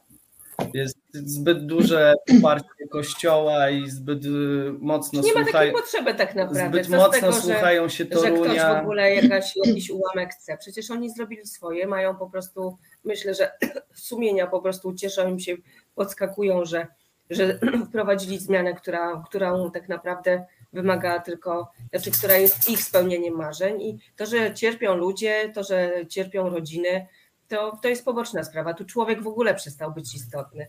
Tyle prawo jest po prostu przecież zmienione, cały, cały, cały nasz system po prostu e, sądowniczy jest, e, jest wymieniony. Czemu w ogóle te, te cholerne kobiety po prostu mają się poczuć lepiej. Ten. Rodzina uważają, ma być, ten... przecież to jest patriarchat, rodzina ma być, ma być, e, kobieta ma być posłuszna. Zobaczcie, w którą stronę idzie edukacja. Według mnie nie, jest cudownie, dzieje się i według mnie te zmiany pójdą tylko w drugą stronę. Nie wiem, jak jeszcze można za, e, zaostrzyć to prawo. Aż boję się jakby pomyśleć, bo chyba nie ma już dla mnie granicy po prostu. Te granice Obcinać zostały głowy. ten. W, w, no ale co, Palić jeżeli na jesteś w stosie, ciąży, nie? może się zabroni po prostu, nie wiem, może będą przymusowe po prostu. Albo do ośrodka ten- się będzie szło, jak będziesz w ciąży. Żeby Może mieli tak, może giliard będzie i będzie po prostu jeszcze lepiej. E, No, Kaja mnie- Godek właśnie y, zgłosiła w Sejmie ten projekt y, zaostrzenia, to znaczy karania kobiet. Nie pamiętam jak dużo, ale kobieta, która dokona aborcji, też y, ma być y, Tak. do 25 lat. No. 25 lat. No, ją kiedyś To ja, już bym ktoś, siedziała 75. ją, ją kiedyś też ktoś ukaże. No tak, ale to zdaje się y, statystycznie rzecz biorąc, y, wielka ilość Polek musiałaby być y, uwięziona i nie ma tyle zakładów karnych w Polsce, żeby dały radę. Także myślę, się że to. wybuduje. Pojawi się pod ziemię, po prostu będą organizacje pewnie pomagały, ale ta czarna strefa myślę, że tak jak w latach, nie wiem, 80. będzie po prostu, będą okropne sytuacje, kiedy, kiedy kobiety będą używały jakichś narzędzi po prostu sprzed wojny i będą dokonywały zabiegów. E, Nie wiem, Konrad, skąd u Ciebie takie poczucie i taka po prostu wiara w to, że badania czy jakieś opinie będą brane pod uwagę? Tu nikt nie jest brany pod uwagę, tylko to, żeby Znaczy w ogóle to jest tak jakby e, temat e, takich ciąży i e, dotyczył tylko i wyłącznie wyborców opozycji. To takie No nie, ja wam przeczytam informację o tym, że jest podział także wśród. y, w ich środowisku takie sytuacje się nie zdarzają. No. Nie, bo są wyjątkowe i wtedy profesor Dębski może mógł dokonywać zabiegu, bo to były wyjątkowe sytuacje, a inne są po prostu niezgodne z religią. Ja bym chciała, żeby religia nie wchodziła nam, ani, ani nikt po prostu do naszych domów, do naszych ciał i żeby zostawili nas w spokoju. Byłoby fajniej po prostu. Ja bym chciała po prostu, nie wiem, mieć taką, e, taki spokój w sobie, że moje dziewczynki jak dorosną będą mogły żyć w normalnym świecie, będą szanowane, e, będą wyedukowane seksualnie. Ja pisałam w imieniu szkoły o, do mm, fundacji prowadzonej przez Anię Rubik, żeby takie, tam jest prawie 2000 uczniów, a przychodzi pani i mówi takie bzdury, żeby ktoś mógł przyjść i wykonać takie lekcje, bo te dzieci naprawdę słuchają po prostu jakichś okropieństw. No, to są rzeczy, które po prostu nie powinny w ogóle się pojawiać i tak samo no, wiemy, jakie są lektury i tak samo wiemy, jak wy- będzie wyglądał system edukacyjny i mam nadzieję, że niedługo coraz więcej pojawi się prywatnych szkół czy demokratycznych, tam gdzie dzieci będą mogły się rozwijać w normalny sposób i nie będą w, ten, w tym systemie dalej tkwiły. W pruskim systemie połączonym po prostu z naszym kościołem i z krzyczącymi proboszczami zambony i mówiącym, że, że jesteśmy grzesznikami. Dzisiaj rano słuchałem profesora Czaplińskiego, który powiedział, że y, to nie jest y, czynnik, który może w istotny sposób wpłynąć na zmianę w Polsce, ale y, tym, co zmieni, a zdaje się nieubłaganie nam grozi, to jest inflacja, pauperyzacja i taki kryzys, który już przeżyliśmy pod koniec lat 70. Zmiana władzy w Polsce zwykle następuje przez to, że brakuje chleba. E, Dzisiaj, jak o tym mówimy, to brzmi to jeszcze tak może przedwcześnie, ale jak spojrzycie na e, historię, a czasem z historii można wyciągnąć lekcje, e, to w 1980 roku były wybory bodajże w styczniu, czy jakoś tak. Jak zwykle 90 tam procent głosowało za PZPR-em i wszyscy byli zachwyceni. Pół roku później wybuchły takie strajki, które wywróciły cały układ i powstała Solidarność. Więc trudno, że tak powiem, e, jakby to powiedzieć, oczekiwać z nadzieją na pauperyzację społeczeństwa, ale wydaje się, że to po prostu jest już nie do zatrzymania. Wygląda po prostu ze statystyki takiej ekonomicznej. Tak? Może to kiepskie pocieszenie, ale zbiedniejecie, ale wtedy wasze dzieci będą mogły się uczyć normalnie. To tyle może w tej sprawie. Posłuchajcie, posłuchamy teraz muzyki. Wam bardzo dziękuję, bo wiem, że śpieszycie się do pracy, a mam nadzieję, że jeszcze kiedyś się spotkamy. Asiu, prosimy o jakąś bardziej. Dziękujemy bardzo. Dziękujemy. Reset Obywatelski. Medium, które tworzysz razem z nami. Komentuj, pisz i wspieraj. E, Witam Państwa po przerwie. Ja nazywam się Konrad Szołajski. Mamy dzisiaj zaszczyt gościć Urszulę Bertin z Berlina, organizacja Ciocia Basia i Joannę Heinderek, e, profesora filozofii, etyki i działaczkę e, społeczną, chyba nawet mogę powiedzieć feministyczną. Rozmawiamy o sprawach związanych z e, restrykcjami w zakresie dopuszczalności aborcji w Polsce. W tle jest tragedia w Pszczynie, a ja się tym zajmuję dlatego, że rok temu zrealizowałem krótki film pod tytułem Polki żądają prawa do aborcji. Film był zamówiony przez telewizję Arte i dostępny jest y, dla publiczności w Polsce i we wszystkich krajach Europy, gdzie Arte dociera w kilku językach. Mogą Państwo zobaczyć ten link. Ci z Państwa, którzy byliby zainteresowani obejrzeniem tego filmu na dużym ekranie, będą mieli także okazję, ponieważ 27 listopada w Łodzi na festiwalu y, Człowiek w zagrożeniu będzie ten film pokazany, a potem będzie debata na ten temat. E, Festiwal e, Mediów Człowiek w Zagrożeniu, Łódź, 27 listopada. Zapraszam serdecznie, będę tam i mam nadzieję, że spotkamy się z publicznością, prawdopodobnie i zwolennikami, i przeciwnikami obecnej, obecnego układu, w jakim funkcjonujemy w zakresie prawnym. I teraz tak, może spróbujmy się zastanowić nad tym, e, jak wygląda ta sprawa od strony, nazwijmy to, etycznej, e, ponieważ z mojej lektury tekstów na temat e, historii aborcji wynika, że to wcale nie było tak jak dzisiaj. Jeśli patrzeć na wyrok Julii Przyłębskiej jako realizację takiej mm, kościelnej doktryny, to ta doktryna się bardzo zmieniała. E, I e, jesteśmy akurat w takim pechowym momencie, kiedy ona jest taka najbardziej, powiedziałbym, mm, dogmatyczna. To znaczy, zakłada się, że aborcja w zasadzie zawsze jest czymś złym, a tak nie było. Joanno, to jak to było, tak w skrócie nam opowiedz. Okej. Okay. Znaczy pierwsza rzecz to musimy pamiętać o tym, że e, generalnie chrześcijaństwo, potem katolicyzm jest taką doktryną, która nieustannie się zmienia, e, wcale nie na lepsze, bo mm, takie e, patriarchalne myślenie w chrześcijaństwie zaczyna się gdzieś od Pawła Starsu. Ci pierwsi chrześcijanie, oni rzeczywiście byli dosyć równościowi. Natomiast e, ciekawe jest to, że wprawdzie aborcja nigdy nie była jakoś specjalnie traktowana jako coś pozytywnego czy neutralnego, była w tej sferze grzechu, nie była aż tak ujmowana ostro. Tutaj do, od czasów świętego Tomasza Zakwinu, który dla katolików y, jest takim filarem. Gdzieś po wiek XIX bardzo długo przyjmowano właśnie za y, Tomaszem Zakwiną, że mm, płód y, zyskuje duszę gdzieś koło 40 dnia. E, czyli do 40 dnia tu dla świętego Tomasza Zakwinu tak naprawdę jeszcze nie możemy mówić o tej świętości życia ludzkiego.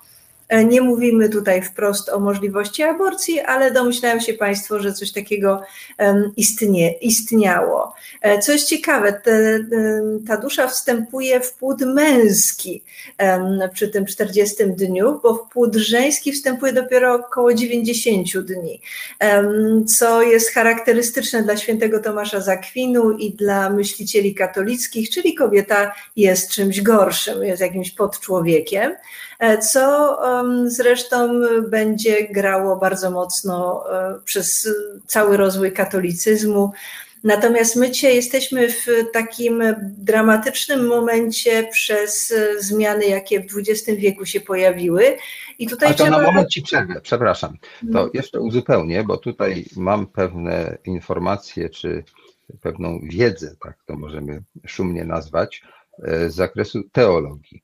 Mianowicie e, e, była grzechem aborcja, ale ona nie była grzechem przeciwko życiu. W ogóle to pojęcie wtedy nie było stosowane, to był grzech seksualny. Chodziło po prostu o to, i tutaj mm, wtóruję, że tak powiem, Twoim komentarzom na temat doli kobiet, że kobiety mogły prowadzić życie seksualne bez kontroli, jeśli stosowały aborcję jako taki swego rodzaju środek antykoncepcyjny. Czyli krótko mówiąc, żeby nie było konsekwencji czegoś, co się nazywa cudzołóstwem, czy w ogóle swobodnym życiem seksualnym.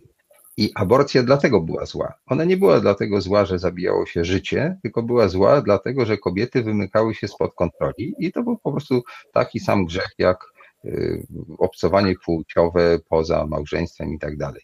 To jest o tyle istotne, że e, tak naprawdę dopiero e, badania, e, które były w XIX wieku, kiedy pod koniec XIX wieku jasne się stało, jak dochodzi do tego, że plenik, że komórka, że to się rozwija, że są poszczególne fazy, to wtedy dopiero mm, jakby powstał pomysł, że w którymś momencie rodzi się to życie, bo wcześniej to nie było właściwie wiadomo, jak to jest. E, I jeszcze był podział na ten taki moment biologicznego może istnienia, tak, ale jeszcze bez tej duszy, tak, która dopiero była tam że tak powiem, jakoś wkładana. E, I, I dopiero rozwój nauki paradoksalnie doprowadził do tego, że Kościół katolicki, bo nie wszystkie kościoły, to też jest bardzo różnie w różnych religiach, zresztą w innych religiach jest inaczej. Wiem, że u muzułmanów jest podobnie jak właśnie w tej teorii o wchodzeniu duszy w jakimś tam momencie. E, e, jest dopuszczalna aborcja do któregoś momentu i to gdzieś tam się łączy może z tym takim wskazaniem tego 12 tygodnia jako tej granicy. To tyle mojego uzupełnienia, ale tutaj czasem mam okazję, a czasem po prostu rozmawiam z teologami i, i biologami, to się nauczyłem, to chciałem się podzielić tą wiedzą. Słucham się dalej. Ale y, to jest ważne, bo to też pokazuje, że to był tak naprawdę grzech przeciwko mężczyźnie, prawda? Czyli kobieta, która mm, mogła swoim ciałem, seksualnością dowolnie decydować, była niebezpieczna y, z perspektywy patriarchalnej. Natomiast to, co się dzieje współcześnie, czyli e, od Trybunału Konstytucyjnego i orzeczenia pani magister, e, po prawda, takie cały czas plany zaoszczenia e, i tak naprawdę pozbawienia praw jakichkolwiek prokreacyjnych kobiety w Polsce, wiąże się z taką dominacją nie tyle Kościoła katolickiego, co jego wersji Jano Pawłowej. E, w Polsce chyba jesteśmy jedynym krajem, który tak bardzo związany jest e, z kultem Jana Pawła II. Zresztą po dziś dzień A ciągle. To był Polak, urodzony w Polsce, który tak, bardzo. Tak, ja wiem, oczywiście. Święte Wadowice. Mhm. polskiej religijności i szczerze mówiąc, nie jest niczym dziwnym, że tak w Polsce jest, no bo chlubimy się różnymi innymi wielkimi ludźmi typu Kopernik. Poczekaj, poczekaj, poczekaj, bo właśnie mi się... Cudzoziemcy, tak? E, przynajmniej pochodzenie, choćby samo nazwisko Chopin, tak? E, a w przypadku Wojtyły jest to niewątpliwie człowiek urodzony pod Krakowem i tak dalej, i tak dalej, w związku z czym to jest nasz Polak z krwi i kości, więc ja bym tutaj e, się temu nie dziwił. Natomiast... Poczekaj, poczekaj, bo um, masz rację, że to jest nasz Polak z krwi i kości, powiedziałabym niestety, e, natomiast e, no, ta, ta nasze chlubienie się naszymi bohaterami jest bardzo wybiórcze, także tu z tym bym dyskutowała, że ta polskość nas jakoś do tego, ale nie o tym. E, tylko chodzi mi o pewien specyficzny rys. Jan Paweł II był bardzo szowinistycznie nastawiony. E, on tak naprawdę um, utruł życie i zakonnicom, i w ogóle kobietom związanym z Kościołem, e, bo, bo zabraniał jakichkolwiek prawda, reform, które pozwoliłyby na podmiotowość kobiet. I Jan Paweł II miał obsesję kontroli. I do takiej kontroli, powiedziałabym, dogmatycznej, totalitarnej. E, w związku z tym kontrola seksualności, tak samo urodzeń, e, jest elementem totalitarnej władzy. I my to zawdzięczamy niestety Janowi Pawłowi II, prawda? Te wszystkie wspaniałe pomysły. Tak. E, I to, że. Pozwól, ja, pozwól mi, bo ja bym chciał na chwilę skorzystać z faktu, że mamy tutaj Urszulę. Urszula mhm. żyje od wielu lat w Niemczech i sposób myślenia Niemców i w ogóle Europejczyków poza Polakami na temat pontyfikatu Jana Pawła II, który jest trochę już zapomniany, bądźmy szczerzy, już potem było dwóch następnych papieży i wynalazło się mnóstwo skandali, które niejako przysłoniły tamto, albo inaczej pokazały inne oblicze Jana Pawła II. Ale jak w Niemczech, czy w ogóle w Europie Zachodniej, y, jeśli w ogóle się dzisiaj mówi o Janie Pawle II, to jak się o nim mówi? Urszula. Jeżeli, jeżeli się mówi o nim, y, zasadniczo E, akurat nie interesuje mnie Kościół e, jako taki, więc nie mam większych informacji. Poza tym w Niemczech są różne kościoły. Jest kościół ewangelicki, kościół katolicki jest na południu, tam jest skoncentrowany, na południu Niemiec i rzeczywiście jest w dalszym ciągu. W wielu domach w Bawarii widziałam jeszcze obrazek Jana Pawła II i to był jedyny E, jedyny wielki papież. E, I jest taki kult e, Jana Pawła, ale to nie jest jakoś rozpowszechnione, to nie jest, to nie jest jakaś mm, rzecz, którą, którą moglibyśmy się zajmować. Natomiast de facto w południowej części Niemiec jest bardzo duża, mm, bardzo duże zgromadzenie, że zgromadzenie mm, osoby, które są przeciwko aborcji, tak zwane e, pro-life, e, poruszenie, e, jest bardzo silne i bardzo mocne. W tym roku odbył się ogromny marsz właśnie pro-life, który, za którym kryli się ludzie, którzy są dość wpływowi. Są to adwokaci. Bardzo, bardzo ciężko z nimi jest również dyskutować. To są osoby, które, które bardzo no, życie od poczęcia, od momentu, już, już nasionko jest, już tam dusza wpływa i e, nie możemy tego, e, tego zmarnować. Jest to, jest to absurdalne, jest to straszne, natomiast nie dajmy się zwariować, nie jest, nie, nie jest to tak źle i tego kultu tutaj, ja, ja nie widzę tego kultu w, w Niemczech. Nie odczuwałam go nigdy. No tak, ja trochę podróżuję. No ostatnia e, dekada, że tak powiem, jest trudniejsza. Może nie dekada, ostatnie dwa lata, ale trochę podróżuję po Europie zawodowo i e, mam jakby świadomość z rozmów z moimi kolegami branżowymi. No teraz dalej to robię tyle, że przez komputer głównie. E, to Jan Paweł II nie jest postrzegany tak jak w Polsce, zupełnie inaczej i raczej E, tutaj się dzisiaj przyznaje rację Sinead O'Connor, która podarła jego zdjęcie na początku lat 90., kiedy po raz pierwszy pojawiły się publicznie takie ostre informacje na temat pedofilii ukrywanej za pontyfikatu Jana Pawła II. I e, z tego, co przynajmniej w tym środowisku filmowym jest na ten temat e, mówione, no to w zasadzie Jan Paweł II głównie z tym się kojarzy, tak? Przez to podarcie zdjęcia przez Sinę O'Connor, co wtedy zresztą było odbierane źle, jako taki trochę wybryk, gwiazdy i tak dalej, celebryty, chciała zaistnieć.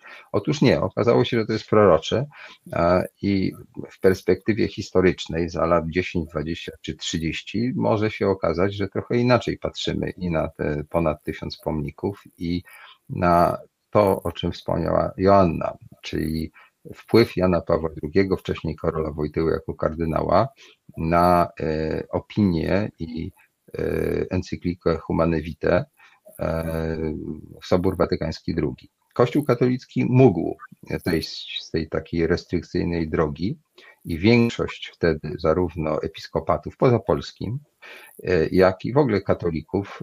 Można o tym przeczytać w bardzo wielu książkach. Jest taki wspaniały angielski pisarz David Lodge, który to opisuje, była pewna, że to się zmieni, że katolicyzm się otworzy, że katolicyzm stanie się taką religią bliższą Ewangelii w takim rozumieniu miłości bliźniego, otwartości i, i, i dobra, że tak powiem, niesionego wszystkim. Natomiast okazało się, że w wyniku tego, co e, ponoć za sprawą e, kardynała e, kardynała Wojtyły decydował wtedy papież, no pigułka została wyklęta i tak dalej.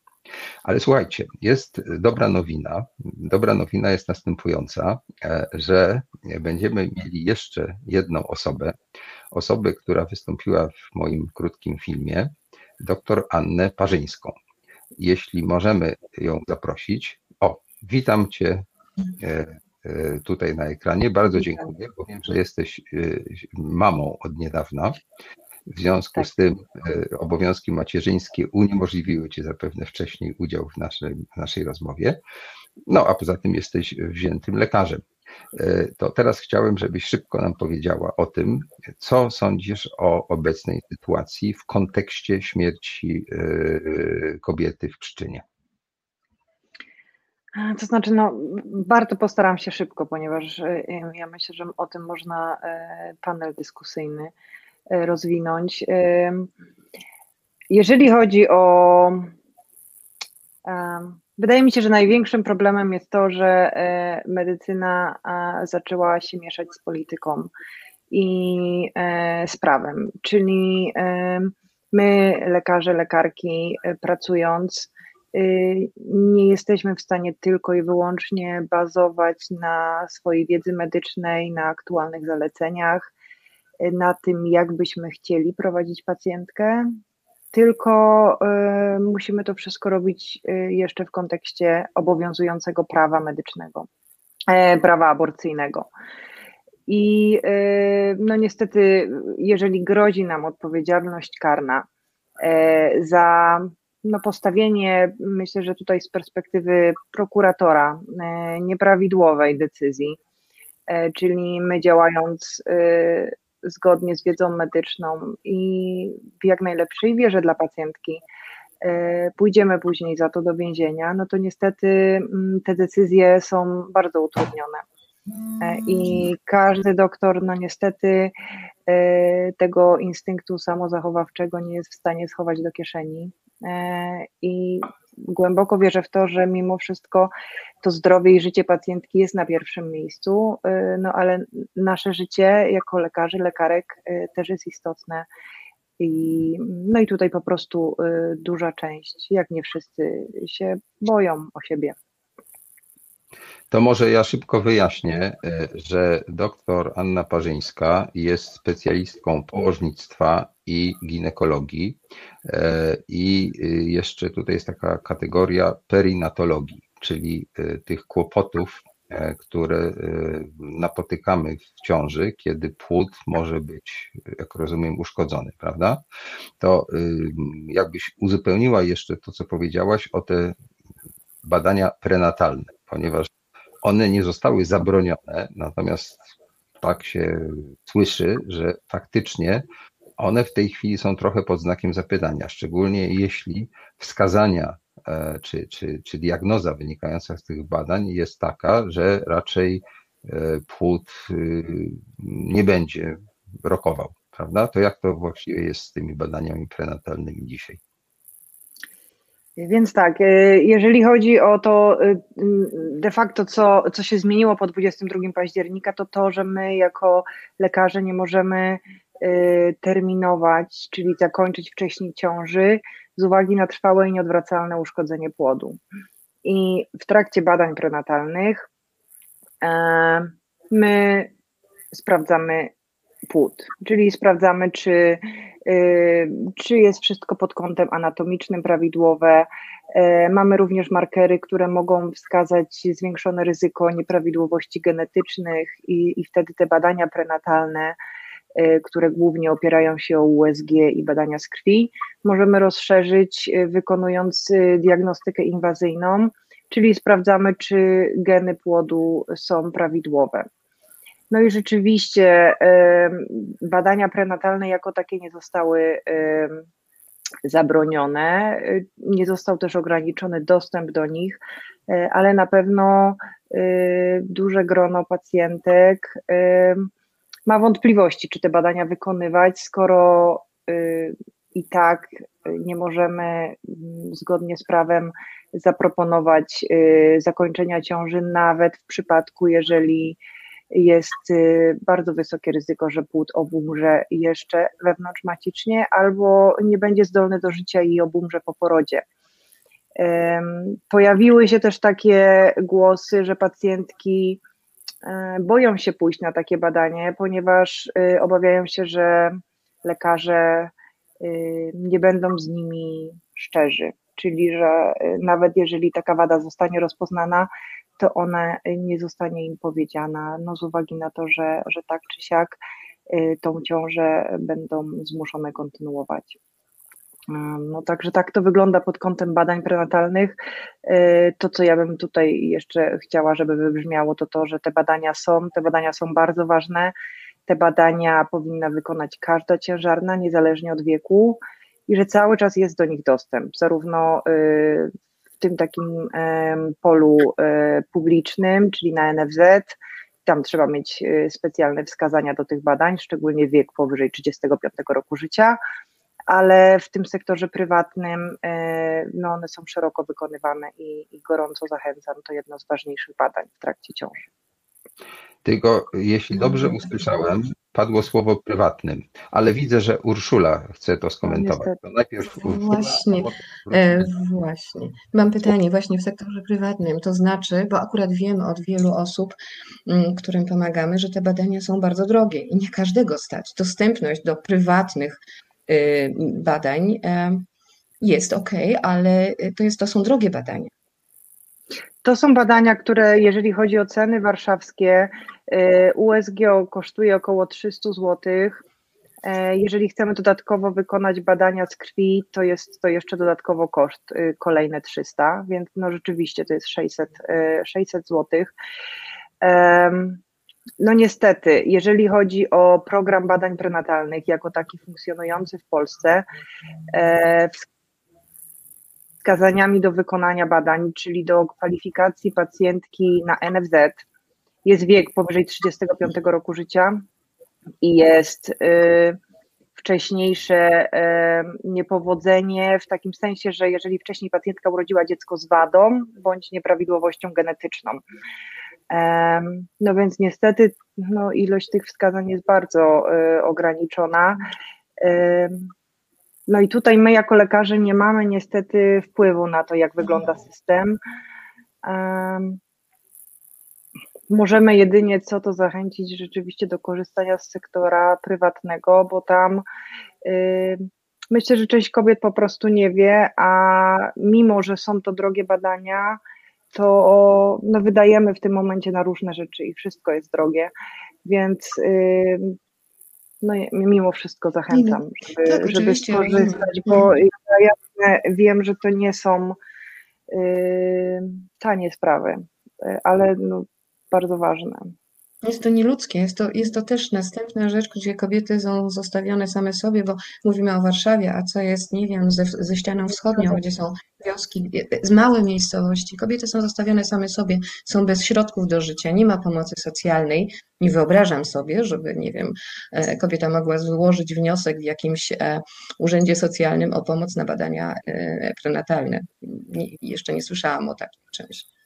Ja bym też bardzo zachęcała takie e, pacjentki, bo ja myślę, że tam w ogóle dostęp do informacji jest, e, jest niewielki, ale jeżeli e, mają taką wiedzę i chciałyby wykonać takie badania, to jakby proszę zgłaszać się do Federacji na Rzecz Kobiet i Planowania Rodziny, mhm. bo my tam działamy, my też mamy możliwości. Ja też mogę takie badania zrobić jakby nieodpłatnie dla osób rzeczywiście potrzebujących trudno to zrobić, y, tak jak mówię, zrobić jakąś taką akcję, skalę, bo to jest na bieżąco potrzebne, ale te najbardziej potrzebujące osoby na pewno też dostaną pomoc, e, tylko musimy wiedzieć, że, że ona jest gdzieś tam potrzebna. Mhm, czyli trzeba bardziej e, reklamować pracę federacji, co jest zresztą Myślę tak, ogromna, jak najbardziej. Mhm. Jak najbardziej. Czyli tutaj y, miejscem czy instytucją która może jakoś pomóc, jest Federacja na Rzecz Kobiet i Planowania Rodziny. Rozumiem, że te kobiety, Fundacja. które nie wiedzą, fundacja, tak, e, to powinny tam wygooglować i zadzwonić i jakoś próbować się dowiedzieć, tak, i wtedy mogą skorzystać z jakiejś pomocy. E, I tak, już podchodząc do tego pragmatycznie, jeśli te badania wykażą, że płód e, nie rokuje, tak, używając takiego potycz, potocznego sformułowania.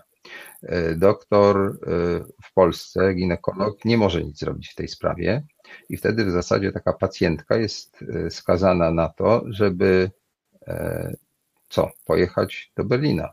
Jak to właściwie jest?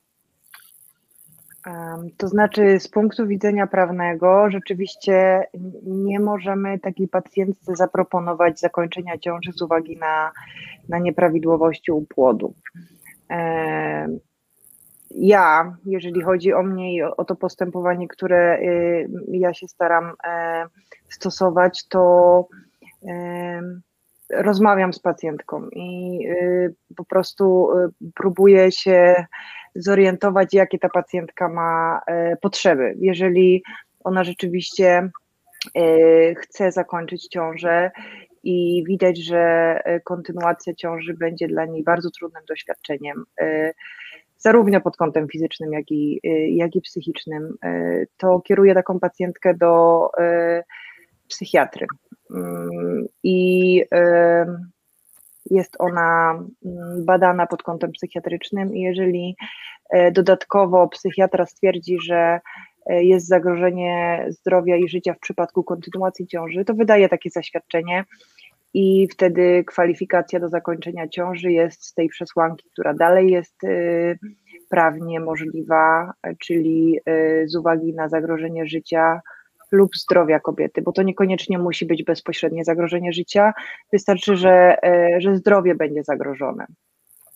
To zdrowie psychiczne jest e, niedoceniane w Polsce i dalej gdzieś tutaj walczymy o to, żeby ono było na równi traktowane ze zdrowiem fizycznym e, ale no my tutaj swobodnie jakby kwalifikujemy takie pacjentki i te ciąże są terminowane z uwagi na tą przesłankę.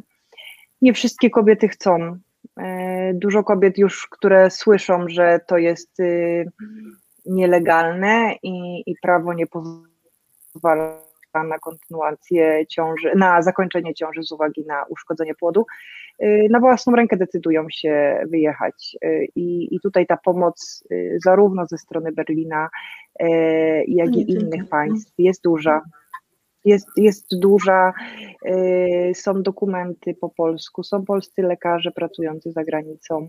Y, ta atmosfera y, takiego wsparcia jest, jest wszechobecna, jeżeli chodzi o Europę.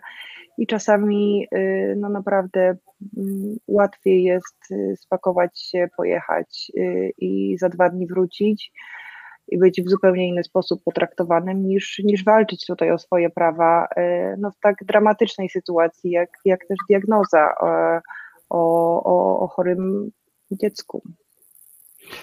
Bardzo dziękuję Ci. E, mam nadzieję, że ta sytuacja się zmieni, bo z tego, co powiedziałaś, wynika, że nad lekarzami wisi taka groźba postępowania prokuratorskiego i bardzo trudno człowiekowi, który normalnie e, żyje, ma rodzinę, e, zawsze zachowywać się heroicznie, prawda? Taki lekarz no, może woleć po prostu przymknąć oczy i poczekać, no, co pewnie się mm, już zdarzało. Czytałem teraz w Gazecie Wyborczej o sytuacji w Świdnicy, mieliśmy mhm. tragedię w Pszczynie, a ile takich e, tragedii być może nie jest publicznie znanych, no bo nikt specjalnie nie chce się tym chwalić. E, to teraz mam jeszcze prośbę do etyka. Joanno, tak bardzo krótko, bo za chwilę kończymy. Co można powiedzieć od strony właśnie etycznej na ten temat? E, mamy już opinię medyczną, e, wiemy, że politycznie sytuacja jest trudna, a co powie etyk? Oj, etyk, e, znaczy ja tak słucham tych naszych rozmów i trochę płaczę, e, bo mm, z perspektywy etyki, gdzie my tak naprawdę jesteśmy na takiej płaszczyźnie rozwoju niesamowitego, prawda, e, wiedzy, która nam pokazuje mm, nie tylko różne możliwości, ale też działanie równościowe, z, z, taką symetrię społeczną. My, my gdzieś tu w, w, Polsce jesteśmy bardzo przez prawo, przez rząd ustecznieni. Więc z perspektywy etyki ja bym powiedziała jedno. Angażujmy się wszystkie, wszyscy. Jak wiemy o kobietach, które potrzebują wsparcia, to po prostu za te kobiety działajmy. Bo bardzo często jest tak, że kobieta na przykład w kryzysie ekonomicznym, w kryzysie bezdomności, czy kobieta, która jest w związku przemocowym, na przykład nie dysponuje gotówką, nie dysponuje nawet jakby możliwością decydowania o sobie, potrzebuje, żeby za nią zawalczyć. I myślę, że to jest najważniejsze, takie zaangażowanie i działanie czasami w imię tych osób, które nie mogą same autonomicznie podejmować decyzje, bo zostały na przykład w związku przemocowym zdominowane, albo nawet nie wiedzą, bo zostały też zdominowane przez wychowanie, przez religię, prawda, czy, czy mm, przez inne czynniki kulturowe. Więc takie wsparcie i działanie na rzecz jest chyba fundamentalne i podstawowe.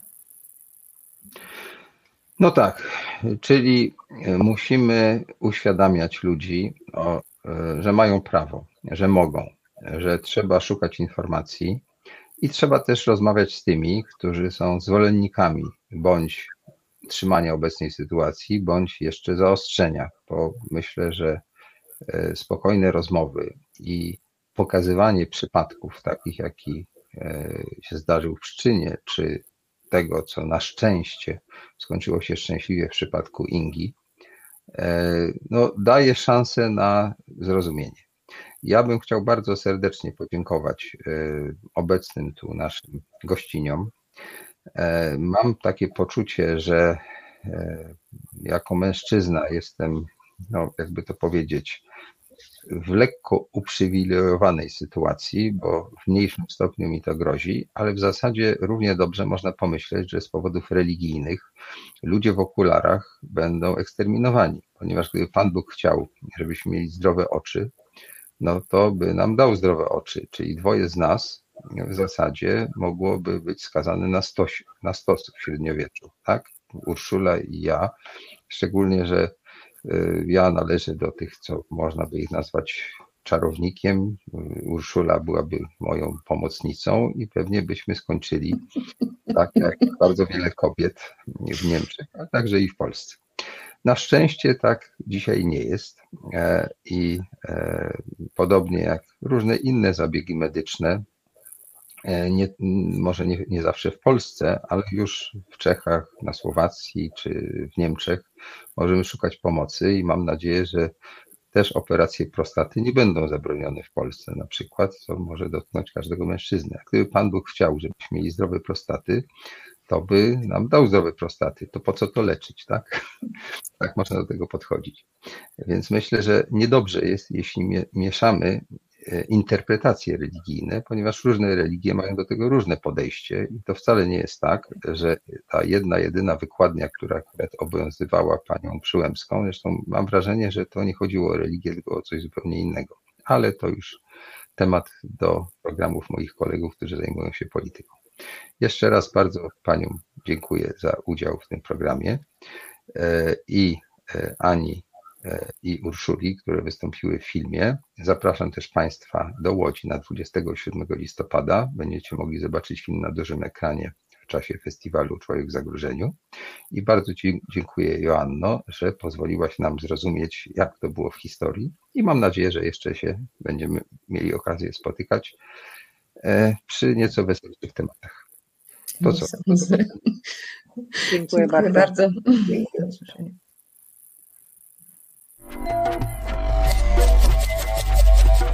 Reset Obywatelski.